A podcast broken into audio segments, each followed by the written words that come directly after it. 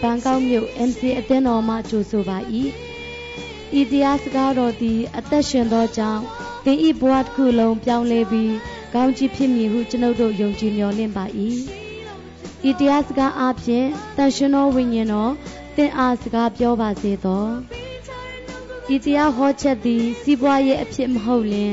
လက်ဆင့်ကန့်ကူးယူဖြန့်ဝေနိုင်ပါသည် အပတ်စဉ်တရားဟောချက်များခံယူလိုပါက mcatalent.com တွင်ဆက်သွယ်နိုင်ပါသည်ရှိတော်မဖြစ်တော်သာသမီများအတွင်ကိုရောပေးချင်တော့ကတော်အလေးဖြစ်ပြီဟာလေလုယာငါမသေးရသေးအသက်ရှင်၍ထာဝရဘုရား၏အမှုကိုကြားပြောရအောင်မယ်ဝန်ခံသည့်အတိုင်းပြုကြရအောင်အာမင်အလွတ်တော့ရတယ်ဝန်တော့ဝန်ခံတယ်ဒါပေမဲ့ ဝန်ခံတဲ့အတိုင်းဖျားသခင်အတွက်အသက်ရှင်သလားနှုတ်ကပတ်တော်ကိုပြောနေသလားဒါမှမဟုတ်ကိုယ်သဘောနဲ့ကိုပဲအသက်ရှင်သေးသလားဆိုတာဒီနေ့အကောင်းဆုံးဆန်းစစ်ဖို့အချိန်ဖြစ်တယ်နှစ်သက်ဆိုတာကျွန်တော်တို့တစ်ခါမှမရောက်ဘူးသေးသောကာလဖြစ်တယ်သို့တော်မဆိုရင်လည်းငါဒီလက်တင်တို့နဲ့ဒီကကဘာကုံသီးတိုင်အတူရှိမယ်လို့ဂတိရှိတော်မူသောဖခင်ကကျွန်တော်ရှေ့ကနေကျွန်တော်တို့အတွက်အကောင်းဆုံးပြင်ဆင်ထားနှင့်ပြီးသောဖခင်သခင်ဖြစ်တယ်အာမင်ဒါကြောင့်2021ကခဲရင်သောကာလဖြစ်တယ် 2022ကတာ၍ခဲရင်အောင်မဲ့ကာလဖြစ်တယ်တို့ရတွင်မစိုးရိမ်နဲ့ခဲရင်ဂျာခဲရင်ချင်းဂျာတဲ့ကဖယားသခင်ရဲ့လမ်းပြခြင်း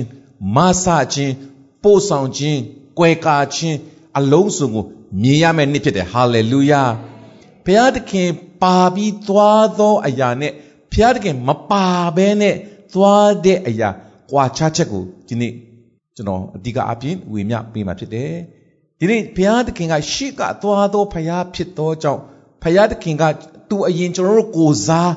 စုံစမ်းခြင်းခံခဲ့တဲ့အရာကိုကျွန်တော်အရင်ပြပြီးဆင်ခြင်ကြရအောင်ရှင်မသက်ခရစ်အခန်းကြီး1အငယ်၄မှာ sorry ရှင်မသက်ခရစ်အခန်းကြီး၄ဖြစ်တယ်1မဟုတ်၄ထိုအခါမာန၏စုံစမ်းတွေးဆောင်ခြင်းကိုခံစေမိအကြောင်းဝိညာဉ်တော်သည်ယေရှုကိုတောသို့ပို့ဆောင်တော်မူ၍ ဒီနေ့ယေရှုကကျွန်တော်တို့ရဲ့ကိုစားလက်ဝါးကားထဲမှာခံခဲ့တည်တာမက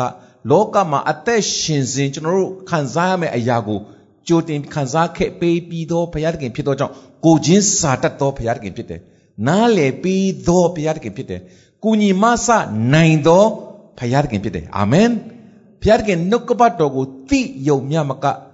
ယုံပြီးဝန်ခံခြင်းရှိခြင်းဖြစ်တဲ့အသက်တာဖြစ်ဖို့အရင်အရေးကြီးတယ်။ တာ၍ခက်ခဲလာလေလေကိုတော့ကိုတာ၍လိုအပ်လေလေဖြစ်တယ်။တာ၍စိုးရုပ်လေလေဖရာသခင်ကိုတာ၍နီးကပ်ပြီးဖက်ရမယ့်အချိန်ရောက်လေလေဖြစ်တယ်။2022မှာကျွန်တော်တို့ကိုတော်နဲ့အတူ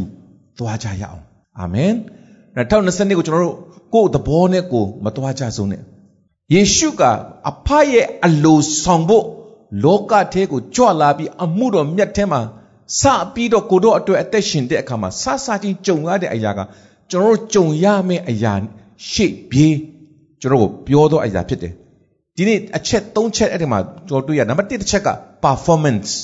နော် performance လောက်ဆောင်ချက်နံပါတ်2ကတော့ကျွန်တော်တို့ prosper ကျွန်တော်တို့ဒီဆိုနံပါတ်1ကကျွန်တော်တို့ဒီစုံစမ်းခြင်းနဲ့တွေးဆောင်ခြင်းကိုဖျက်ခံတဲ့အခါမှာမိတူမိဝါဖြစ်ကြောင်း ဘုရားသခင်ကိုသူကစုံစမ်းတာဖြစ်တယ်ကျွန်တော် personality လို့ခေါ်တဲ့ဘုရားသခင်မိသူမိဝါဖြစ်ကြောင်းအရင်စုံစမ်းတာဖြစ်တယ်စာတမဏတ်ကအယံကိုပါနှတ်တယ်နှုတ်ကပတ်တော်ကိုအသုံးပြုပြီးနှုတ်ကပတ်တော်လေးကိုအနှဲငယ်လှည့်ပြီးတော့အသုံးပြုတတ်တဲ့သူဖြစ်သောကြောင့်နှုတ်ကပတ်တော်ဖတ်တဲ့အခါမှာဆင်ခြင်တဲ့အခါမှာနှုတ်ကပတ်တော်ထဲကယေရှုကိုစိတ်စိတ်ကြည့်မြင်တတ်ဖို့အရေးကြီးတယ်။ဒါမှမဟုတ်ကျွန်တော်တို့ကအသားလေးလှည့်ခြင်းကိုခံလိုက်ရမှာဖြစ်တယ် ပထမဦးဆုံးယေရှုကရက်40အစာရှောင်ထားတဲ့အတွက်အင်မတန်မှ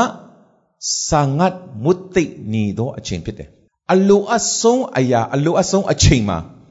အလိုအဆုံးအရာနဲ့သွေးဆောင်တတ်တဲ့သဘောရှိတယ်ဒါကြောင့်ကျွန်တော်တို့ရဲ့အသက်တာမှာအလိုအဆုံးအရာကဘာလဲအလိုကျင်ဆုံးအရာဘာလဲအဲ့ဒီအရာအပေါ်မှာစာတန်ကအသုံးပြုပြီးတော့နှုတ်ကပတ်တော်လေးကိုပဲသုံးပြီးတော့လုတ်သွားတာဖြစ်တယ်နံပါတ်1တစ်ချက်ကဘာလဲလို့ပြောတဲ့အခါမှာ ကိုတော်သည်ဘုရားသခင်ဤသားတော်မှန်လင်ဤကြောက်ခဲကိုမုံဖြစ်စေခြင်းကအမိန့်တော်ရှိတော်မူပါဟုရှောက်လေ၏ခခရစ်တော်ကအမိန့်တော်ရှိရင်ရှိတဲ့အတိုင်းဖြစ်တယ်ဆိုတာကိုစာတန်ကသိတယ်အဲ့ဒီအမိန့်တော်ဖြစ်ရင်ဖြစ်တဲ့အတိုင်းဖြစ်တော်ညာလဲအမိန့်တော်ရှိဖို့ရန်အတွက်အဖအလိုတော်အတိုင်းအမိန့်တော်ရှိတတ်ဖို့အရေးကြီးတယ်ခရစ်တော်မှာအခွင့်တကူရှိတယ်အာဏာရှိတယ်ဒါပေမဲ့ သူ့အလိုသူ့သဘောအတိုင်းသူဘာတစ်ခုမှ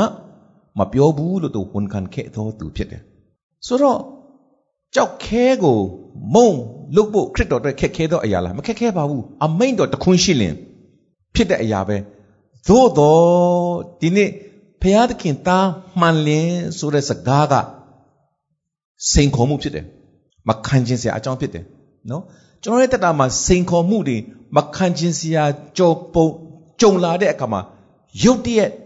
ကျွန်တော်ရဲ့စိတ်လှုပ်ရှားခြင်းလို့ခေါ်တဲ့ emotion က arise ဖြစ်လာတဲ့အခါမှာစိတ်လှုပ်ရှားဒေါသထွက်လာတဲ့အခါမှာလျှက်တစ်ပြက်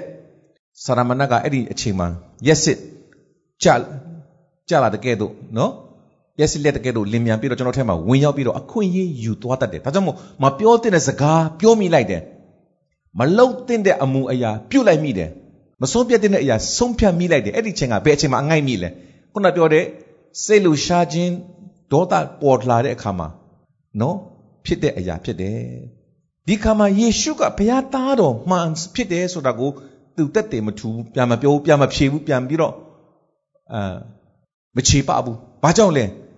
ယေရှုကဘုရားသားဧကအမှန်ဖြစ်နေတယ်ဖြစ်ကြောင်းကိုလည်းသိတယ်ဒါကြောင့်မို့အဲ့ဒီဖြစ်ချင်းကိုကင်လှုပ်လို့မရဘူးနော်ဒါကြောင့်အမြဲတမ်းကျွန်တော်ရဲ့ဖြစ်ချင်းကိုလာပြီးကင်လှုပ်တာကစာတမဏဖြစ်တယ်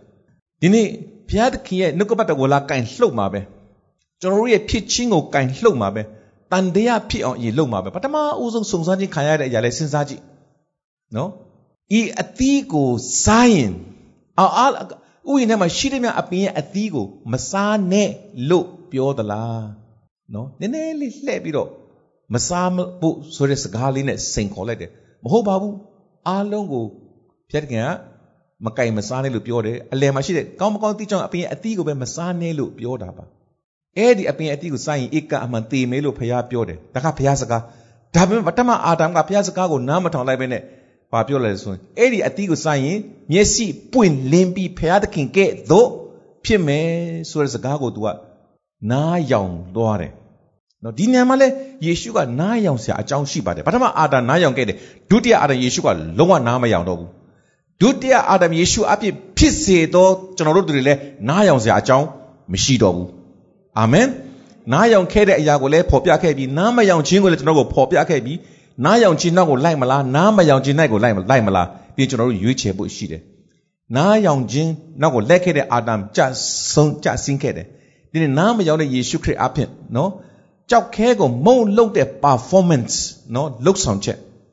ဒီကျွန်တော်ရဲ့အသက်တာမှာဒီ performance လုတ်ဆောင်ချက်ကိုကျွန်တော်တို့ကဂုဏ်ယူတတ်ကြတယ်ငါလုံနိုင်တယ်ငါဆိုတာပါလာတဲ့၍ဖယားဘုံမတင်ရှားတော့ဘူးငါဆိုတာပါလာတဲ့ဖယားအတွက်နေရာမရှိဘူးငါမတတ်နိုင်ဘူးဆိုတဲ့အဆင့်ရောက်တဲ့အခါကြာတော့မှဖယားကနေရာယူပြီးတော့ဖယားရဲ့ ability အစွမ်းအားဖြင့်လှုပ်ဆောင်သွားမှာဖြစ်တယ်ကိုယ့်ရဲ့အစွမ်းကိုအားကိုးတ၍ကိုယ့်ရဲ့တတ်စွမ်းခြင်းကိုအားကိုးတ၍ကတော့ ကိုကလုံနေမှာဖြစ်တယ်ဘုရားဘုံမတင်ရှားဘူးဘုရားကအလုတ်မလုံနိုင်ဘူးဘုရားကနေရာမပေးနိုင်ဘူးဒါ2022မှာကျွန်တော်တို့ကဖယားကိုနေရာပေးတော့နှစ်ဖြစ်ကြရအောင်2022ကဖယားနဲ့အတူသွားတော့နှစ်ဖြစ်ကြရအောင်2022မှာလှုပ်တဲ့အရာအားလုံးကငါလှုပ်တာမဟုတ်ပဲဖယားငါအားဖြင့်လှုပ်တော့အရာပဲဖြစ်ပါစေကျွန်တော်အထက်ကနေဖယားလှုပ်တော့အရာဖြစ်ဖို့ရအတွက်ကျွန်တော်တို့အရေးကြီးပါတယ်အဲ့ဒီခါမှာနှုတ်ကပတ်တော်နဲ့ပြန်ဖြေတယ်တမဟောင်းကျမ်းထဲမှာပါတဲ့ နှုတ်ကပတ်တော်နဲ့ပြန်ပြီးတော့ဖျားခင်ပြန်ဖြေတယ်နော်လူသည်တဲ့မုံအားဖြင့်သာအသက်ရှင်ရသည်မဟုတ်ဒီနေ့ကျွန်တော်တို့ကမုံအပြည့်ပဲအသက်ရှင်တဲ့လူတွေအများကြီးရှိတယ်။ဘာကိုပြောတယ်လဲဆိုလို့ရှိရင်ကျွန်တော်တို့ရဲ့အစာအာဟာရလိုအပ်မှုကိုပဲဦးစားပေးပြီးအသက်ရှင်တွေကတော့မုံအပြည့်အသက်ရှင်တော်သူများဖြစ်တယ်။မုံမလုံဘူးလို့မပြောပါဘူး။မုံတစ်ခုထင်းနဲ့မလုံလောက်ဘူးလို့ပြောနေတာ။အေးမလုံလောက်တဲ့အရာကိုရှာတွေ့ကတော့ဘယ်တော့မှလုံလောက်မှာမဟုတ်ဘူး။ လုံလောက်စေတဲ့ဖခင်ကိုရတဲ့ခါကျမှလုံလောက်ခြင်းဆိုတာကဖြစ်လာမှာဖြစ်တယ်။အာမင်။ဒါကျွန်တော်ရဲ့တဏ္ဍာမှာလုံလောက်ခြင်းမလုံလောက်ခြင်းဆိုတာကရှိခြင်းမရှိခြင်းတဲ့သိခြင်းမသိခြင်းကတာယူအရေးကြီးတယ်နော်ဗမာစကားမှာမရှိတာထက်မသိတာခက်တယ်တော့သိဖို့အရေးကြီးတယ်တမန်တရားကိုသိရင်အဲ့ဒီတမန်တရားကပဲကျွန်တော်တို့ကိုလွတ်ချင်းအခွင့်ကိုပေးမှာဖြစ်တယ်လူတွေကအလွဲယူတတ်တယ်တမန်တရားကိုသိလို့ပြောတဲ့အခါမှာအမှန်တရားကိုသိခြင်း အမှန်တရားအပေါ်မှာယက်တည်ခြင်းလို့ပြောတာအဲ့ဒီထက်လေးနေပါတယ်တားတော်ဒီလွတ်နေဧကအမှန်လွတ်လိမ့်မယ်ဆိုတဲ့နောက်ကပါလာတဲ့စကားအပြင်အမှန်တရားဆိုတာဘာလို့လဲယေရှုခရစ်တော်ကိုပြောတာလောကမှာရှိတဲ့ဖြစ်ပျက်တဲ့အမှန်အမှားကိုပြောတာမဟုတ်ဘူးယေရှုခရစ်တော်ဒီဟူသောတမန်တရားသစ္စာတရားအမှန်တရားကိုပြောသောစကားဖြစ်တယ်။တောင်းယေရှုကိုသိခြင်းကနှုတ်ကပတ်တော်ကိုသိခြင်းကဘုရားကိုသိခြင်းဖြစ်တယ်။ငါ့ကိုစေလွတ်တော်သူကိုယုံကြည်လက်ခံခြင်းက အဖခမည်းတော်အလိုကိုဆောင်ခြင်းဖြစ်တယ်။ငါ့ကိုစေလွတ်တော်သူယေရှုကိုမြင်တော်သူကအဖခမည်းတော်ကိုမြင်တော်သူဖြစ်တယ်။ငါ့ကိုစေလွတ်တော်တဲ့သားတော်ယေရှုကိုသိတော်သူကအဖခမည်းတော်ကိုသိတော်သူဖြစ်တယ်။ဒါကျွန်တော်ရဲ့အသက်တာမှာယေရှုခရစ်တော်ဘာလုပ်ခဲ့တယ်လဲဆိုတာကျွန်တော်ကြည့်ဖို့ရအရေးကြီးတယ်။2020ကိုဝင်တဲ့အခါမှာယေရှုကိတော်စုံစမ်းခြင်းကကျွန်တော်ကိုစောင့်နေမှာဖြစ်တယ်။မင်းဘယ်လောက်လုံနိုင်တယ်လဲစာတမန်ကကျွန်တော်ကိုမေးမယ်စိန်ခေါ်မယ်နော်။အသက်ငယ်လေးလေးအစွမ်းတတ္တိရှိလေးလေးအစွမ်းကိုအားကိုးလေးလေး ကိုယ့်ရဲ့ခွန်အားကိုအားကိုးလာလေးလေးဖြစ်တယ်။ဒီနေ့ကျွန်တော်ရဲ့တက်တာမှာအဲ့ဒီအစွမ်းကိုအားကိုးပြီးလို့ဆောင်တရွက်ကဖျားဘုံအတွက်မထင်ရှားဘူး။ဒါကြောင့်မို့ဖျားသခင်ဒီရှေ့မှာတနေ့မီးနဲ့စစ်တဲ့ကမှာကြံမဲ့အရာကနံပါတ်1ဖျားသခင်အလိုတော်အတိုင်းဖျားသခင်တကိုးတော်အဖြစ်ဖျားတကယ်ဘုံတော်အတွက်ဒီသုံးချက်လုပ်တဲ့အရာကပဲမီးနဲ့စစ်တဲ့အခါမှာမပြည့်စည်တဲ့ရွှေငွေအဖို့တန်ကြောက်ကြောက်မြက်ယတနာဖြစ်မှာဖြစ်တယ်နော် ဒီနေ့ကျန်တဲ့အရာတွေအားလုံးကကောက်ရိုးမြက်တစ်သားပြီးဖြစ်ပြီးတော့မီးလောင်တဲ့အခါမှာလောင်ကျွမ်းသွားမဲ့အရာတွေပဲဖြစ်တယ်။ဒါကြောင့်ဒီနေ့ကျွန်တော်တို့အသက်တာမှာယခုကာလမှာလည်းအကျိုးရှိမဲ့အရာထာဝရကာလမှာလည်းအကျိုးရှိမဲ့အရာအမြဲကြံတဲ့အရာကိုကျွန်တော်တို့ကအခုကတည်းကယင်းနီးမြုံနှံစုဆောင်းထားဖို့အရေးကြီးတယ်။ဒါကြောင့်ဘုရားသခင်ကမုံကိုကြောက်ခဲကိုမုံလုံနိုင်သလားလုံနိုင်တာပေါ့ လွယ်လွယ်လေးပဲမရှိတဲ့အရာကနေလည်းရှိတဲ့အရာဖြစ်စေဖို့နှုတ်တော်ထွက်စကားပြဖန်ဆင်းနေမဟုတ်ဘူးလားမုံဖြစ်စေလို့ယေရှုကတခွန်းပြောလိုက်ရင်မုံဖြစ်သွားမှာဖြစ်တယ်ဒါပေမဲ့ကျမ်းစာကလူသည်မုံအဖြစ်သာအသက်ရှင်ရသည်မဟုတ်ဘုရားသခင်မိန့်မာတော်မူသည်များအဖြစ်အသက်ရှင်ရ၏ဒါကြောင့်မို့မုံအားဖြင့်အသက်ရှင်တော်သူများမုံအားဖြင့်အသက်ရှင်ဖို့လိုအပ်တယ်လို့ထင်တော်သူများယနေ့ပြန်လှည့်လာပြီးတော့နှုတ်ကပတ်တော်အဖြစ်နှုတ်တော်တဲ့စကားအဖြစ် အသက်ရှင်တော်သူဖြစ်ဖို့ရအတွက်အရေးကြီးတယ်နှုတ်ကပတ်တော်ရှိတဲ့သူကဖရာသခင်ရှိတော်သူဖြစ်တယ်အရေးရဲ့အကြောင်းရဲ့ကြုံလာတဲ့အခါမှာနှုတ်ကပတ်တော်ကိုအသုံးချခြင်းနှုတ်ကပတ်တော်အတိုင်းဆုံးဖြတ်ချက်ချခြင်းနှုတ်ကပတ်တော်အတိုင်းနာခံလိုက်လျှောက်ခြင်းကဘုရားသခင်အတူရှိခြင်းရဲ့လက္ခဏာဖြစ်တယ်။ကြုံရမှာပါကျွန်တော်တို့ဆုံးဖြတ်ချက်ချစရာတွေရွေးချယ်စရာတွေနော် ပြောရမယ့်အရာတွေနော်အသေးငယ်ကစကြီးမားသောအမှုအားလုံးကျွန်တော်တို့ဆုံးဖြတ်ချက်ချမယ့်အရာတွေကြီးတယ်ပဲ2022ခုမှာလှုပ်ရှားတွေအများကြီးပါအဲ့လိုလှုပ်ရှားတိုင်းလှုပ်ရှားတိုင်းမှာကျွန်တော်တို့ဘုရားသခင်ရဲ့အလိုဘုရားသခင်သာကျွန်တော်နေရာမှာရှိမယ်ဆိုရင်ဘယ်လိုဆုံးဖြတ်မလဲဘယ်လိုစဉ်းစားမလဲဘယ်လိုလုပ်မလဲဆိုတာကိုအမြဲတမ်းအရင်စဉ်းစားပြီးကိုယ်တော်နဲ့တိုင်ပင်ပြီးတော့မှပြောပါဆုံးဖြတ်ပါလှုပ်ဆောင်ပါ အလိုတော်အတိုင်းလှုပ်ဆောင်ခြင်းအရာကဘုံထင်ရှားဖို့ရန်အကြောင်းဖြစ်တယ်အာမင်ဆိုတော့အဲ့ဒီကြောက်ခဲကိုမုန်းလို့ဖို့ပြောတဲ့အခါမှာဘုရားသခင်ကရုပ်ခရစ်တော်နေရာမှာညီကြည့်ရအောင်ငါဘာလို့မလုပ်နိုင်ရမှာလဲငါဖရားသားလေမုံဖြစ်စေလှုပ်ချင်ပါပဲနော်ဒါပေမဲ့ချစ်ချင်းသူဒီအရာကိုလုံးဝဖရားသားဖြစ်ကြောင်းကိုလည်းသူကမချေပဘူးဒီနေ့တင်ဒီဖရာသားဧကအမှန်ဖြစ်တယ်လို့သိပြီးစိတ်ချတဲ့လူကဘယ်သူပဲလာလှုပ်လှုပ်လှုပ်ရှားအကြောင်းမရှိဘူး တိယောအခါကြီးငါအငယ်တစ်မှာယေရှုကခရစ်တော်ဖြစ်တယ်လို့ယုံကြည်တော်သူက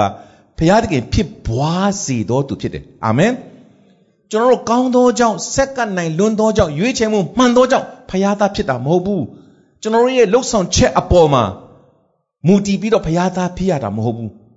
ဒီနေ့ဒီလူတွေကကျွန်တော်တို့ရဲ့လှုပ်ဆောင်ချက်ကိုကြည့်ပြီးတော့ဘုရားသားဟုတ်မဟုတ်ထင်တတ်တယ်ဆုံးဖြတ်တတ်တယ်နော် ဒီလူကဘုရားသားမှန်ရင်တော့ဒီလိုပြောမှာမဟုတ်ဘူးဒီလိုလုပ်မှာမဟုတ်ဘူးဆိုပြီးတော့လူတွေကထင်တတ်တယ်ဆုံးဖြတ်တတ်တယ်နော်ကျွန်တော်တို့ဝေဖန်တတ်တယ်အဲ့ဒီအထက်မှာကျွန်တော်တို့မပါကြစို့နဲ့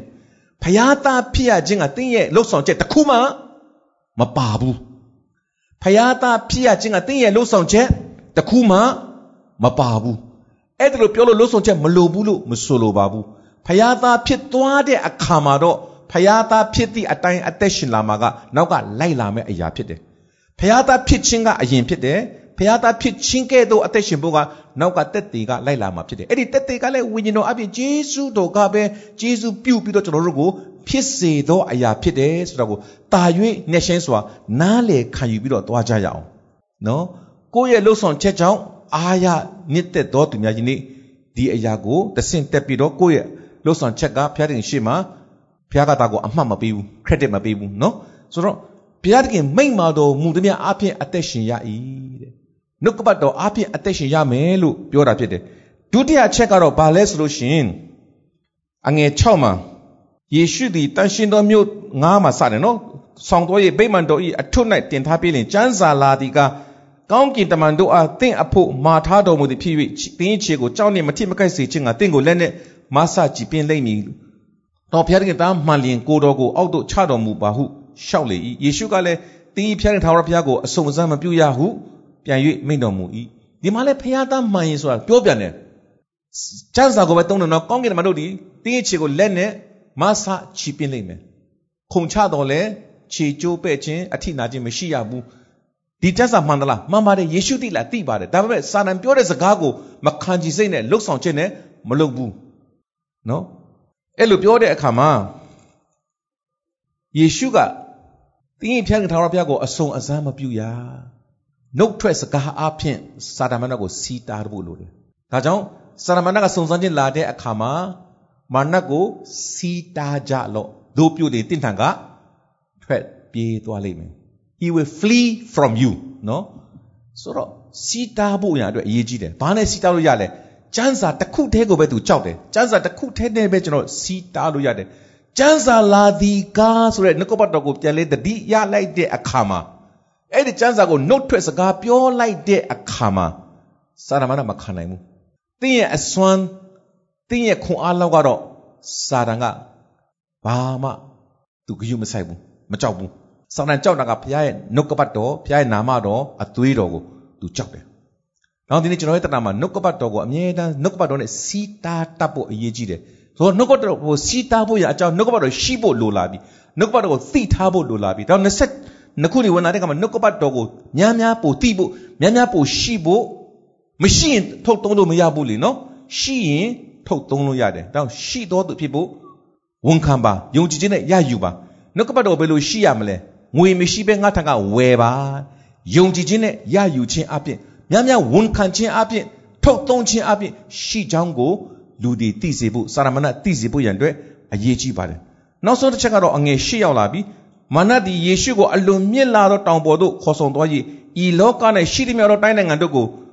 ၎င်းထိုတိုင်းနိုင်ငံတို့၏ဘုံစည်းစိမ်ရှိမြတ်ကို၎င်းညွန်ပြ၍ကိုတော်သည်ငါ့ကိုပြောဖို့ကိုးကွယ်လင်ယခုပြလေပြုလေသမျှပြလေသမျှတို့ကိုငါပေးမည်ဟုဆိုလင် prosperity နော် prosperity ကိုပြောတာ ကြွယ်ဝခြင်းဒီနေ့ကြွယ်ဝခြင်းကိုမလိုအပ်ဘူးလားလိုအပ်ပါတယ်ဖျားတခင်ကကျွန်တော်တို့ကိုအသက်နဲ့လူရမှာကအထူးပြအသက်နဲ့ပြည့်စုံဖို့ရန်အတွက်ငါလာတယ်စီးစံချမ်းသာရှိတော်တဲ့စင်ရဲခြင်းကိုခံပြီးတော့ကျွန်တော်တို့ကိုစီးစံချမ်းသာရှိစေဖို့ရန်အတွက်လှုပ်ပေးပြီးပြီဖြစ်သောကြောင့်စီးစံချမ်းသာကြွယ်ဝခြင်းရဖို့ရန်အတွက်အဲ့ဒီအရာကိုပဲဦးစားပေးရှာဖို့မလိုတော့ဘူးစူးစမ်းဖို့လိုတယ်ကိုးစားဖို့လိုတယ်ဒါပေမဲ့အဲ့ဒီအရာတက်တက်နောက်ကိုလိုက်ရင်တော့မှားသွားလိမ့်မယ် ဖယားကိုကိုးစားခြင်းအပြင်ဖျားပြရတဲ့အစွမ်းကိုအသုံးပြုဖို့အရေးကြီးတယ်ဒီနေ့ယုံကြည်တယ်ဆိုပြီးတော့ဘာမှမလုပ်ပဲထိုင်နေလို့မဖျားတဲ့အလိုမရှိဘူးနော်ယုံကြည်ခြင်းနဲ့ဖျားနေပေးတဲ့အစွမ်းကိုပေါင်းပြီးတော့မှဘုရားသခင်အတွက်စ조사ကိုးစားပြီးအသက်ရှင်ခြင်းအပြင်ကြွယ်ဝသောအသက်တာကိုလည်းဘုရားသခင်ပေးမယ်လို့ဂတိရှိတဲ့အတိုင်းရယူဖို့ရန်အတွက်ဖြစ်တယ်တို့ရတွင်ဖြတ်လန်းအပြင်အဲ့ဒီနောက်ကိုပဲလိုက်ပြီးတော့စာတမဏတ်ကိုကိုးကွယ်ဖို့စာတန်ကလိုချင်တယ်ဒီနေ့စာတန်ကိုကိုးကွယ်ခြင်းဆိုတာက စာတန်ကိုတော့ကိုးကွယ်မှကိုးကွယ်တာမဟုတ်ဘူးငွေကိုကိုးကွယ်ခြင်းကစာတန်ကိုကိုးကွယ်ခြင်းဖြစ်တယ်ဘုရားသခင်ထက်တာ၍ပထမနေရာမှာထားတဲ့အရာမှန်တမျှကတင်းရဲ့ကိုးကွယ်သောအရာဖြစ်တယ်။တခါတခါတင်းရဲ့အလုတ်ကိုတင်းမသိဘဲနဲ့ကိုးကွယ်မိတယ်။တင်းရဲ့ဥစ္စာများကိုတင်းမသိဘဲနဲ့ကိုးကွယ်မိတယ်။အဲ့ဒီအရာကိုဒီနေ့ပြန်ပြီးတော့ဆင်ချင်းပြီးတော့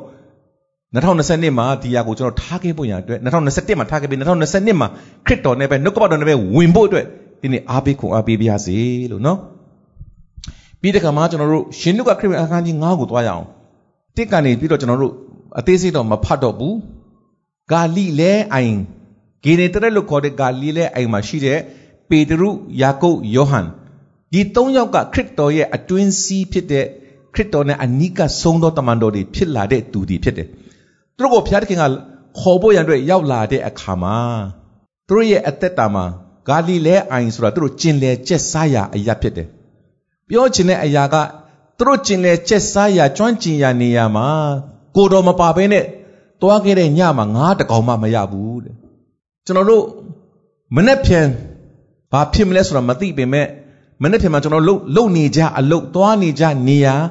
ကျွန်တော်တို့နော်စီပွားရေးလုံနေကြနေရာတွေရှိပါတယ်အဲ့ဒီနေရာကိုကျွန်တော်တို့သွားတဲ့အခါမှာကိုတော်မပါဘဲသွားရင်တော့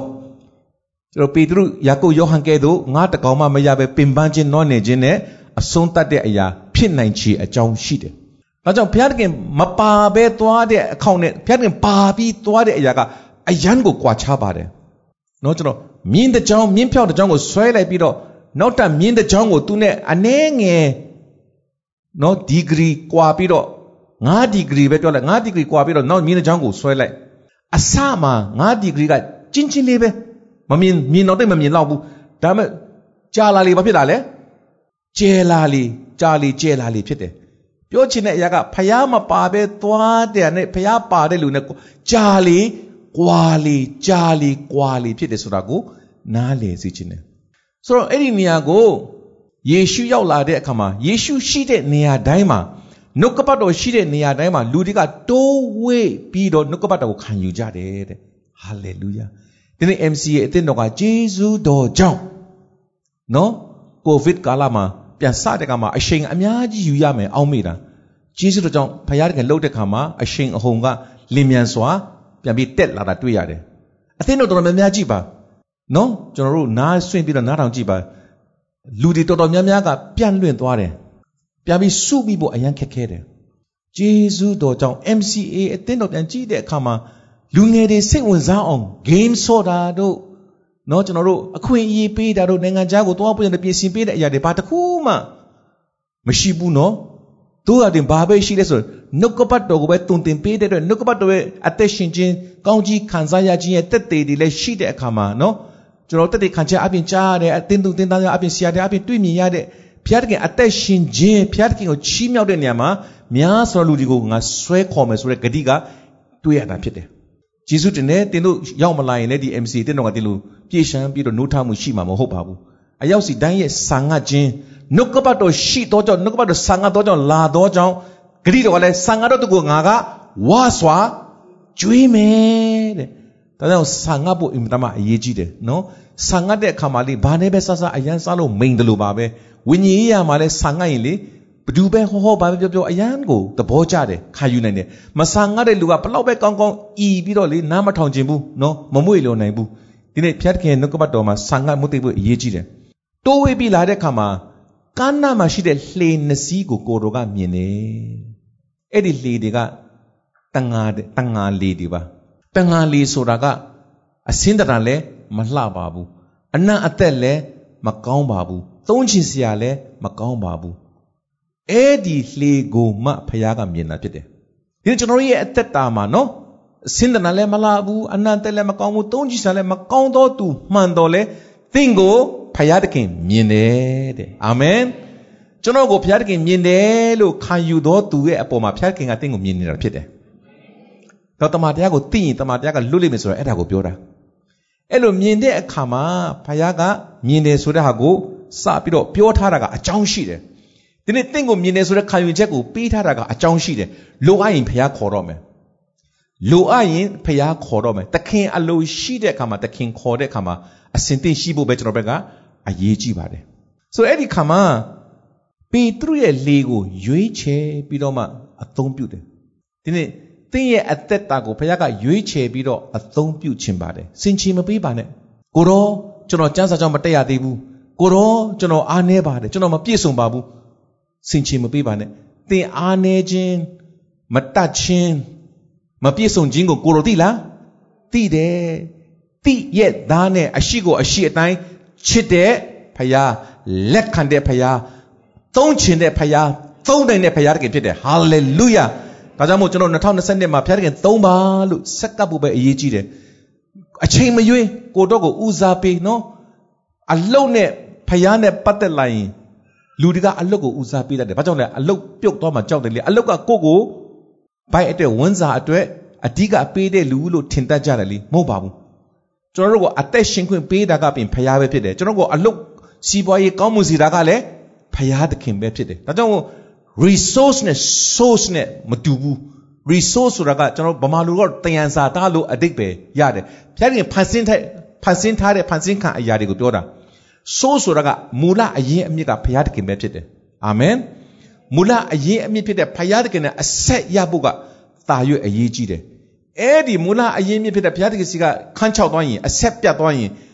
ဘုရားသခင်ဖန်ဆင်းထားတဲ့အရာတွေကလည်းကျွန်တော်တို့ကဘာမှရစရာအကြောင်းမရှိတော့ဘူး။ဒါကြောင့်ကျွန်တော်တတ်တာမှာထိုဘုရားနဲ့ကျွန်တော်အဆက်ရဖို့အရေးရှိတယ်အရေးကြီးပါတယ်လို့အခွင့်တောင်းတဲ့ကမှာပေတရုကအဲ့ဒီချိန်မှာပေတရုရဲ့အခြေအနေကြည့်အောင်တညာလုံးငါဖမ်းလို့မရဘူးတဲ့စိတ်သက်ကြနေတဲ့အချိန်ဖြစ်တယ် မောပန်းနေတဲ့အချိန်ဖြစ်တယ်အလုတ်သိမ်းတဲ့အချိန်ဖြစ်တယ်ပိုက်ကွန်ဆေးပြီးအိမ်ပြန်ဖို့အစဉ်သင့်လှေကိုဆေးပြီးတော့အလုတ်သိမ်းပြီးအိမ်ပြန်ဖို့အစဉ်သင့်ဖြစ်နေတဲ့အခါကြတော့မှနော်ဖခင်ကမင်းရဲ့လှေကိုသုံးပြရစီလို့ပြောတယ်ဒီကျွန်တော်ရဲ့အသက်တာမှာအခြေအနေအကြောင်းအမျိုးမျိုးကြောင့်နောက်ဆုတ်ဖို့နော်တော်ပါပြီကွာငါဖခင်ကြောင့်မတက်တော့ဘူးတော်ပါပြီကွာဖခင်တခင်အတွက်တော့ငါ အသက်မရှင်တော့ဘူးလို့ဆုံးပြတ်ချက်ချလိုက်တဲ့အချိန်တင့်ကိုဘုရားခင်မြင်တယ်အာမင်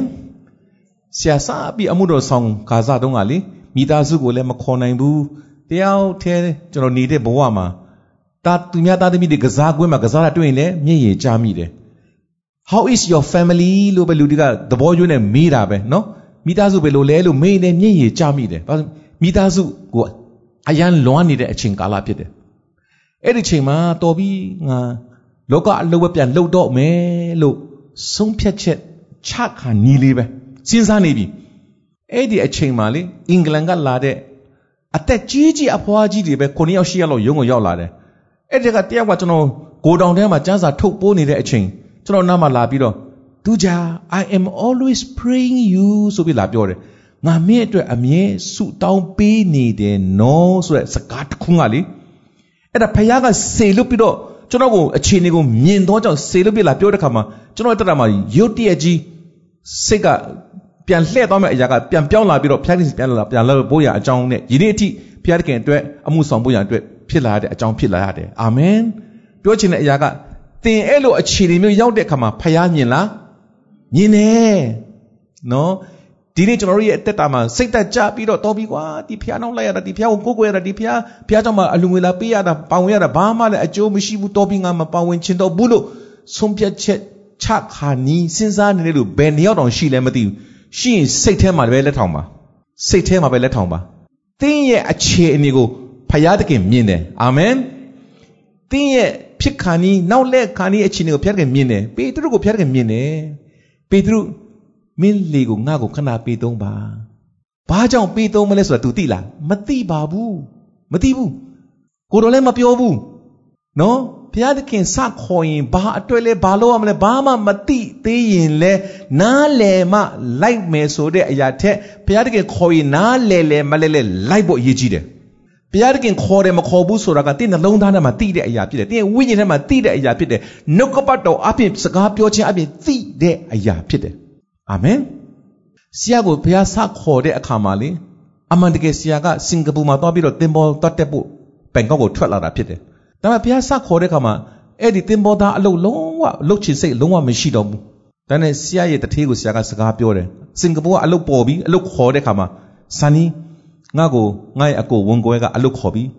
ဒါပေမဲ့ငါကလောကအလုပ်ကနှစ်ကြိုက်ရမယ်ဖះအလုပ်ကတကြိုက်ရမယ်ဆိုရင်ဖះအလုပ်ပဲလုပ်တော့မယ်ဆိုပြီးတော့ လုတ်ချင်တယ်လို့ကျွန်တော်ပြောလိုက်တဲ့အခါမှာ तू ကကျွန်တော်ပေဆောင်ပေဆောင်ကြည့်ပြီးတော့မင်းငါငါနဲ့လုတ်ကွာဆိုပြီးတော့ဆရာကိုပြောလိုက်တာအဲ့ဒါကကျွန်တော်ရဲ့ job appointment ဒီနေ့အထိပဲနေ့30ကျော်သွားပြီ30နှစ်ထဲဝင်လာပြီအာမင်ဆိုတော့ဘုရားတခင်နောက်ကိုလိုက်ဖို့ဆုံးဖြတ်လိုက်တဲ့အခါမှာစပြီးဘုရားကစတာဝန်ယူတာဖြစ်တယ်ဒီနေ့အထိတာဝန်ယူတဲ့ဘုရားတခင်ဖြစ်တယ်အာမင်သင်ကဘုရားတခင်နောက်ကိုလိုက်မယ်ဘုရားတခင်ခေါ်ပြီးဆိုရင်ဘုရားတခင်ကသင်ကိုတာဝန်ယူမဲ့ဘုရားတခင်ဖြစ်တယ် တော့ဘုရားတခင်နောက်ကိုလိုက်ဖို့လုံးဝမကြောက်မရွံ့ပါနဲ့ဘုရားသခင်ကစัจ java လာတစ်ခုလုံးကိုပိုင်တာအုပ်ဆိုးသောဘုရားသခင်ဖြစ်သောကြောင့်သူခေါ်တဲ့လူတိုင်းကိုကြွယ်ဝစွာချပေးနိုင်ဖို့အစွမ်းရှိသောဘုရားကြွယ်ဝသောဘုရားချမ်းသာသောဘုရားသခင်ဖြစ်တယ်ဟာလေလုယာဒီနေ့တခါကကျွန်တော်တို့ရဲ့အလုရှင်ရဲ့ချမ်းသာကြွယ်ဝခြင်းကမတည်မြဲပါဘူးနော်မနေ့ကတည်းကသူစီးပွားရေးပြတ်သွားမလားမသိဘူးတချို့အလုရှင်စီးပွားရေးပြတ်လို့အလုပြောတဲ့လူမရှိဘူးလားရှိတယ်ဘုရားသခင်ကဘယ်တော့မှစီးပွားမပြတ်ဘူး ဘုရားသခင်ကအစဉ်အမြဲတည်တော်မူသောဘုရားအစဉ်အမြဲကြွယ်ဝတော်မူသောဘုရားဖြစ်တဲ့ကြောင့်ဘုရားသခင်ကအမြဲတာဝန်ယူနိုင်တဲ့ဘုရားတာဝန်ယူနေတဲ့ဘုရားသခင်ဖြစ်တယ်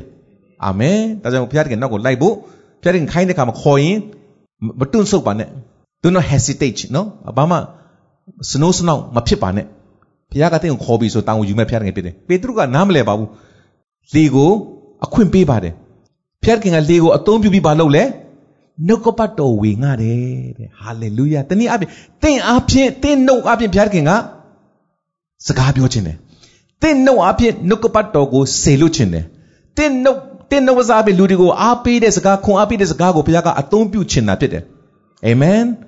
ဒီနေ့တင့်အားရတင့်နှုတ်ကိုဘုရားကိုအသုံးပြုခွင့်ပေးပါလို့ကျွန်တော်တို့ဘုရားကိုဆက်ကမယ်ဆိုရင် voluntarily နော်ကိုယ့်ရဲ့စန္ဒသဘောပါမှဘုရားကအလုပ်လုပ်တာ ကိုယ့်ရဲ့စန္ဒမပါဘဲနဲ့ဘုရားကဘယ်တော့မှအတင်းအကျပ်မလုပ်ဘူးတော့2020မှာကျွန်တော်ရဲ့နှုတ်ရှာပါဇက်ကိုဘုရားသခင်သုံးပါလို့ဆက်ကပ်ချင်တယ်ဆိုရင်ကျွန်တော်လက်မြောက်ကိုထောင်ကြည့်ရအောင်သူများထောင်လို့ထောင်တာမဖြစ်စေနဲ့နော်တကယ်ဆက်ကပ်ပါလက်လက်လက်ထောင်ထားပြီးပါဆရာဆူတောင်းပေးခြင်းနဲ့ဘုရားသခင်ရေရှေ့တော်မှာကိုတို့ရဲ့နှုတ်ရှာပါဇက်ကိုကိုတော်ရှင်ရဲ့နှုတ်အနေနဲ့ကိုတို့ရှင်ရဲ့နှုတ်ကပတ်တော်ထွက်သောအသက်ဆိုင်ထွက်သောတွင်းဖြစ်စေဖို့အသုံးပြုဖို့ဆက်ကပ်ပါတယ်ကိုတော်ကြားတယ်ကိုတော်မြင်တယ်ကိုတော်လက်ခံပါ ကိုတော်အသုံးပြုပါယေရှုနာမနဲ့အနံပါဤဖျားအာမင်ဖျားသခင်ကတောင်းယူမဲ့ဖျားငယ်ဖြစ်တယ်တင်ပြောရမဲ့စကားဝိညာဉ်တော်ကဖွင့်ပြမှာဖြစ်တယ်တင်ပြောရမဲ့စကားမှာဘိတ်သိက်ပါလျက်လူတွေပြောင်းလဲစီမှာကလည်းဖျားသခင်ပဲဖြစ်တယ်ဒါမှတင်ကမပြောမချင်းတင်ကမစမချင်းဖျားသခင်တကိုးတင်ညင်ရမှာမဟုတ်ဘူးတင်ကစပြီးပြောတဲ့အခါလှုပ်ဆောင်တဲ့အခါကျတော့မှဖျားပါမှ တိလာမှာဖြစ်တယ်ဒါတာ၍လှုပ်ဆောင်လေးလေးတာ၍ဖျားကိုချစ်လာလေးလေးဖြစ်တာ၍တိလာလေးလေးဖြစ်မှာဖြစ်တယ်အာမင်တော့ယုံပြင်ကာနာရောက်တဲ့ခါမှာဘာပြောရမလဲဆိုတာကိုမစင်စားနဲ့တဲ့ကြိုတင်ပြီးတော့မစင်စားနဲ့မပြင်ဆင်နဲ့တဲ့အဲ့ဒီပြောမဲ့စကားကိုနေတော့နှုတ်ထဲမှာငါထည့်ပေးမယ်တဲ့အာမင်ဆရာတက်တဲ့ခံတဲ့အရာတွေတတိယကြမှာပါနော်တက်တဲ့ခံတဲ့ခါမှာနော်အရာရှိရှိမှာပြောလိုက်တဲ့စကားက ရည်စရာစကားဖြစ်ပေမဲ့ဘုရားသခင်ပြောခိုင်းတဲ့စကားဖြစ်တဲ့အခါမှာလေသူ့စိတ်နှလုံးကိုပြောင်းလဲသွားစေနိုင်တာဖြစ်တယ်အာမင်စကားတော်ပြတ်သောအခါနှုတ်ကပတ်တော်ဝေငှပြီးတဲ့အခါမှာ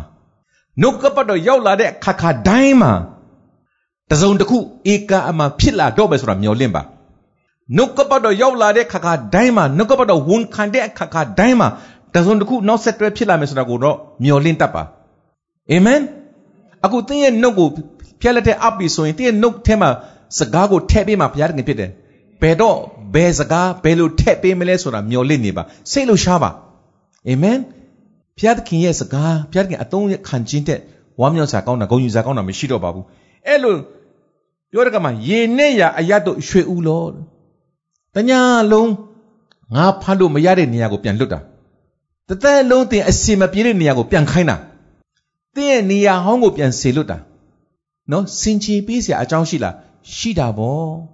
ကိုတော့တညလုံးငါဖတ်လို့မရဘူးလေအခုသွားလဲရမှာမဟုတ်ပါဘူးကိုတော့ထင်တတ်ပါတယ်နော်ကိုကျွမ်းကျင်တဲ့နေရာကိုကိုတွေ့ကြုံခဲ့တဲ့နေရာကိုဒါမှတင်ကြုံတွေ့ခဲ့တဲ့နေရာသွားနေကြနေရာဟုတ်ပေမဲ့ဒီတခါတော့မတူတော့ဘူးလေထဲမှာဘယ်သူပါလာပြီလဲယေရှုပါလာပြီအာမင်ဒါကြောင့်မနေ့ပြန်မနေ့ပြန်ဆိုတဲ့ဟာတိုင်းကိုကျွန်တော်ကကြုံတွေ့နေရတယ်နော်ကျွန်တော်တို့ အမြဲတမ်းကြုံတွေ့နေရတော့ကြောင့်မနေ့ပြန်ကိုလည်းစိတ်လှုပ်ရှားခြင်းတော့မရှိတော့ပါဘူးဟုတ်ဘူးလားမနေ့ပြန်ကိုစိတ်လှုပ်ရှားတယ်လို့ရှိလားမရှိပါဘူးနော်ဆရာရဲ့ဘဝမှာအာယုံတက်လာတဲ့ခါမှာအယံမျိုးလင်းခြင်းရောင်ကြီးပေါ်လာတယ်ဆိုတာခံစားရတဲ့တညရှိခဲ့ဘူးတယ်ဆရာဒီကိုလာပြီးတော့မှတစ်ချိန်မှာမိတ်ဆွေညီကိုနှစ်ယောက်ကိုချင်းတောင်ကနေပြီးတော့အိန္ဒိယကို ကျန်းစာကျောင်းတက်တဲ့ဖို့တော့ပို့ပြီးဖို့ရုံးတာဝန်နဲ့ဆရာသွားပါတယ်အဲ့ဒီအချိန်ကာလကအောင်ဆန်းစုကြည်ဗမာပြည်ကိုရောက်လာပြီးတော့ပထမဆုံးရောက်လာတဲ့အခါဖြစ်တယ်ဇူလိုင်19ရက်နေ့သူ့ရဲ့ဖခင်ရဲ့ဒီအာဇာနီဒီရဲ့ဟိုဟာခန္ဓာမှာသူသွားပြီးတက်ရောက်မဲ့နှစ်ဖြစ်တဲ့အတွက်အရန်ကို tense ပေါ့နော်အခြေအနေအရန်တင်းမှစိုးရိမ်နေရတဲ့ကာလဖြစ်တယ်ဘလောက်ဒီစိုးရိမ်စရာအကြောင်းရှိတယ်လဲဆိုရင်လူငယ်လေးတွေနဲ့ဆိုရင် ဘယ်ဟိုတယ်ကမှလက်မခံရဲတော့ဘူးအထူးသဖြင့်ကျွန်တော်ကရင်ပြည်နယ်ကမတ်ပုံနေဆိုရင်ဘယ်ဟိုတယ်ကမှလက်မခံဘူးဆရာနဲ့အရန်ရင်းနှီးတဲ့ Diamond Hotel ဆိုတာရှိတယ်နော်ဘယ်လောက်ထိရင်းနှီးလဲဆိုရင်ဆရာနဲ့ဆရာမိသားစုအချိန်မရွေးလာတဲ့ကျွန်တော်အခမယူပါဘူးဆိုတဲ့အထိရင်းနှီးပါတယ်ဒါပေမဲ့အဲ့ဒီအချိန်ခါမှာကျွန်တော်မိတ်ဆွေနှစ်ယောက်ကိုအဲ့မှာတဲဖို့တော့ခေါ်တဲ့အခါမှာသွားပြီးတော့ booking လုပ်တဲ့ခါမှာလုံးဝလက်မခံဘူးဆရာကြီးတောင်းပါပါလေဒီချိန်မှာတော့လက်မခံပါရစေနဲ့တဲ့ ဆရာတိတဲ့ဟိုတယ်တစ်ခုတစ်ခုလည်းတကားခောက်ကြည့်တယ်ဘယ်ဟိုတယ်မှလက်မခံဘူးနောက်ဆုံးကနောက်ဆုံးတော့ဖြစ်ချင်ရဖြစ်ကွာငါအိမ်မှာပဲမင်းမနိုင်အိမ်မှာအမေအိမ်မှာကျွန်တော်ကျွန်တော်နဲ့တူပဲတဲခိုဖို့ကျွန်တော်ကခေါ်လိုက်မယ်ဆိုပြီးတော့အိမ်မှာပေးခေါ်တဲတယ်မင်းမနိုင်လဲဟိုတုန်းကဆိုရင်အဲ့စင်းမစစ်တဲ့ရက်ွက်ထဲမှာပါတယ်ဒါပေမဲ့နောက်ပိုင်းတော့အဲ့စင်းခက်စိတ်စိတ်လေးစစ်လာတယ်ဆိုအာဇာနီနေ့ရောက်လာတဲ့ခါတည်းမှာအဲ့စင်းပိုစစ်တယ်ဆိုတာအလုံးသိပြီးသားပါဟာအဲ့ဒီညမှာ အဲ့စင်းလာစစ်လို့ကတော့ငါတော့သွားပြီဆိုပြီးတော့တညလုံးဆိုရင်ဆူတောင်းဆိုရင်ဆူတောင်းဆိုရင်ဆူတောင်းပူပန်ပြီးတော့အဲ့လိုကိုမရတာ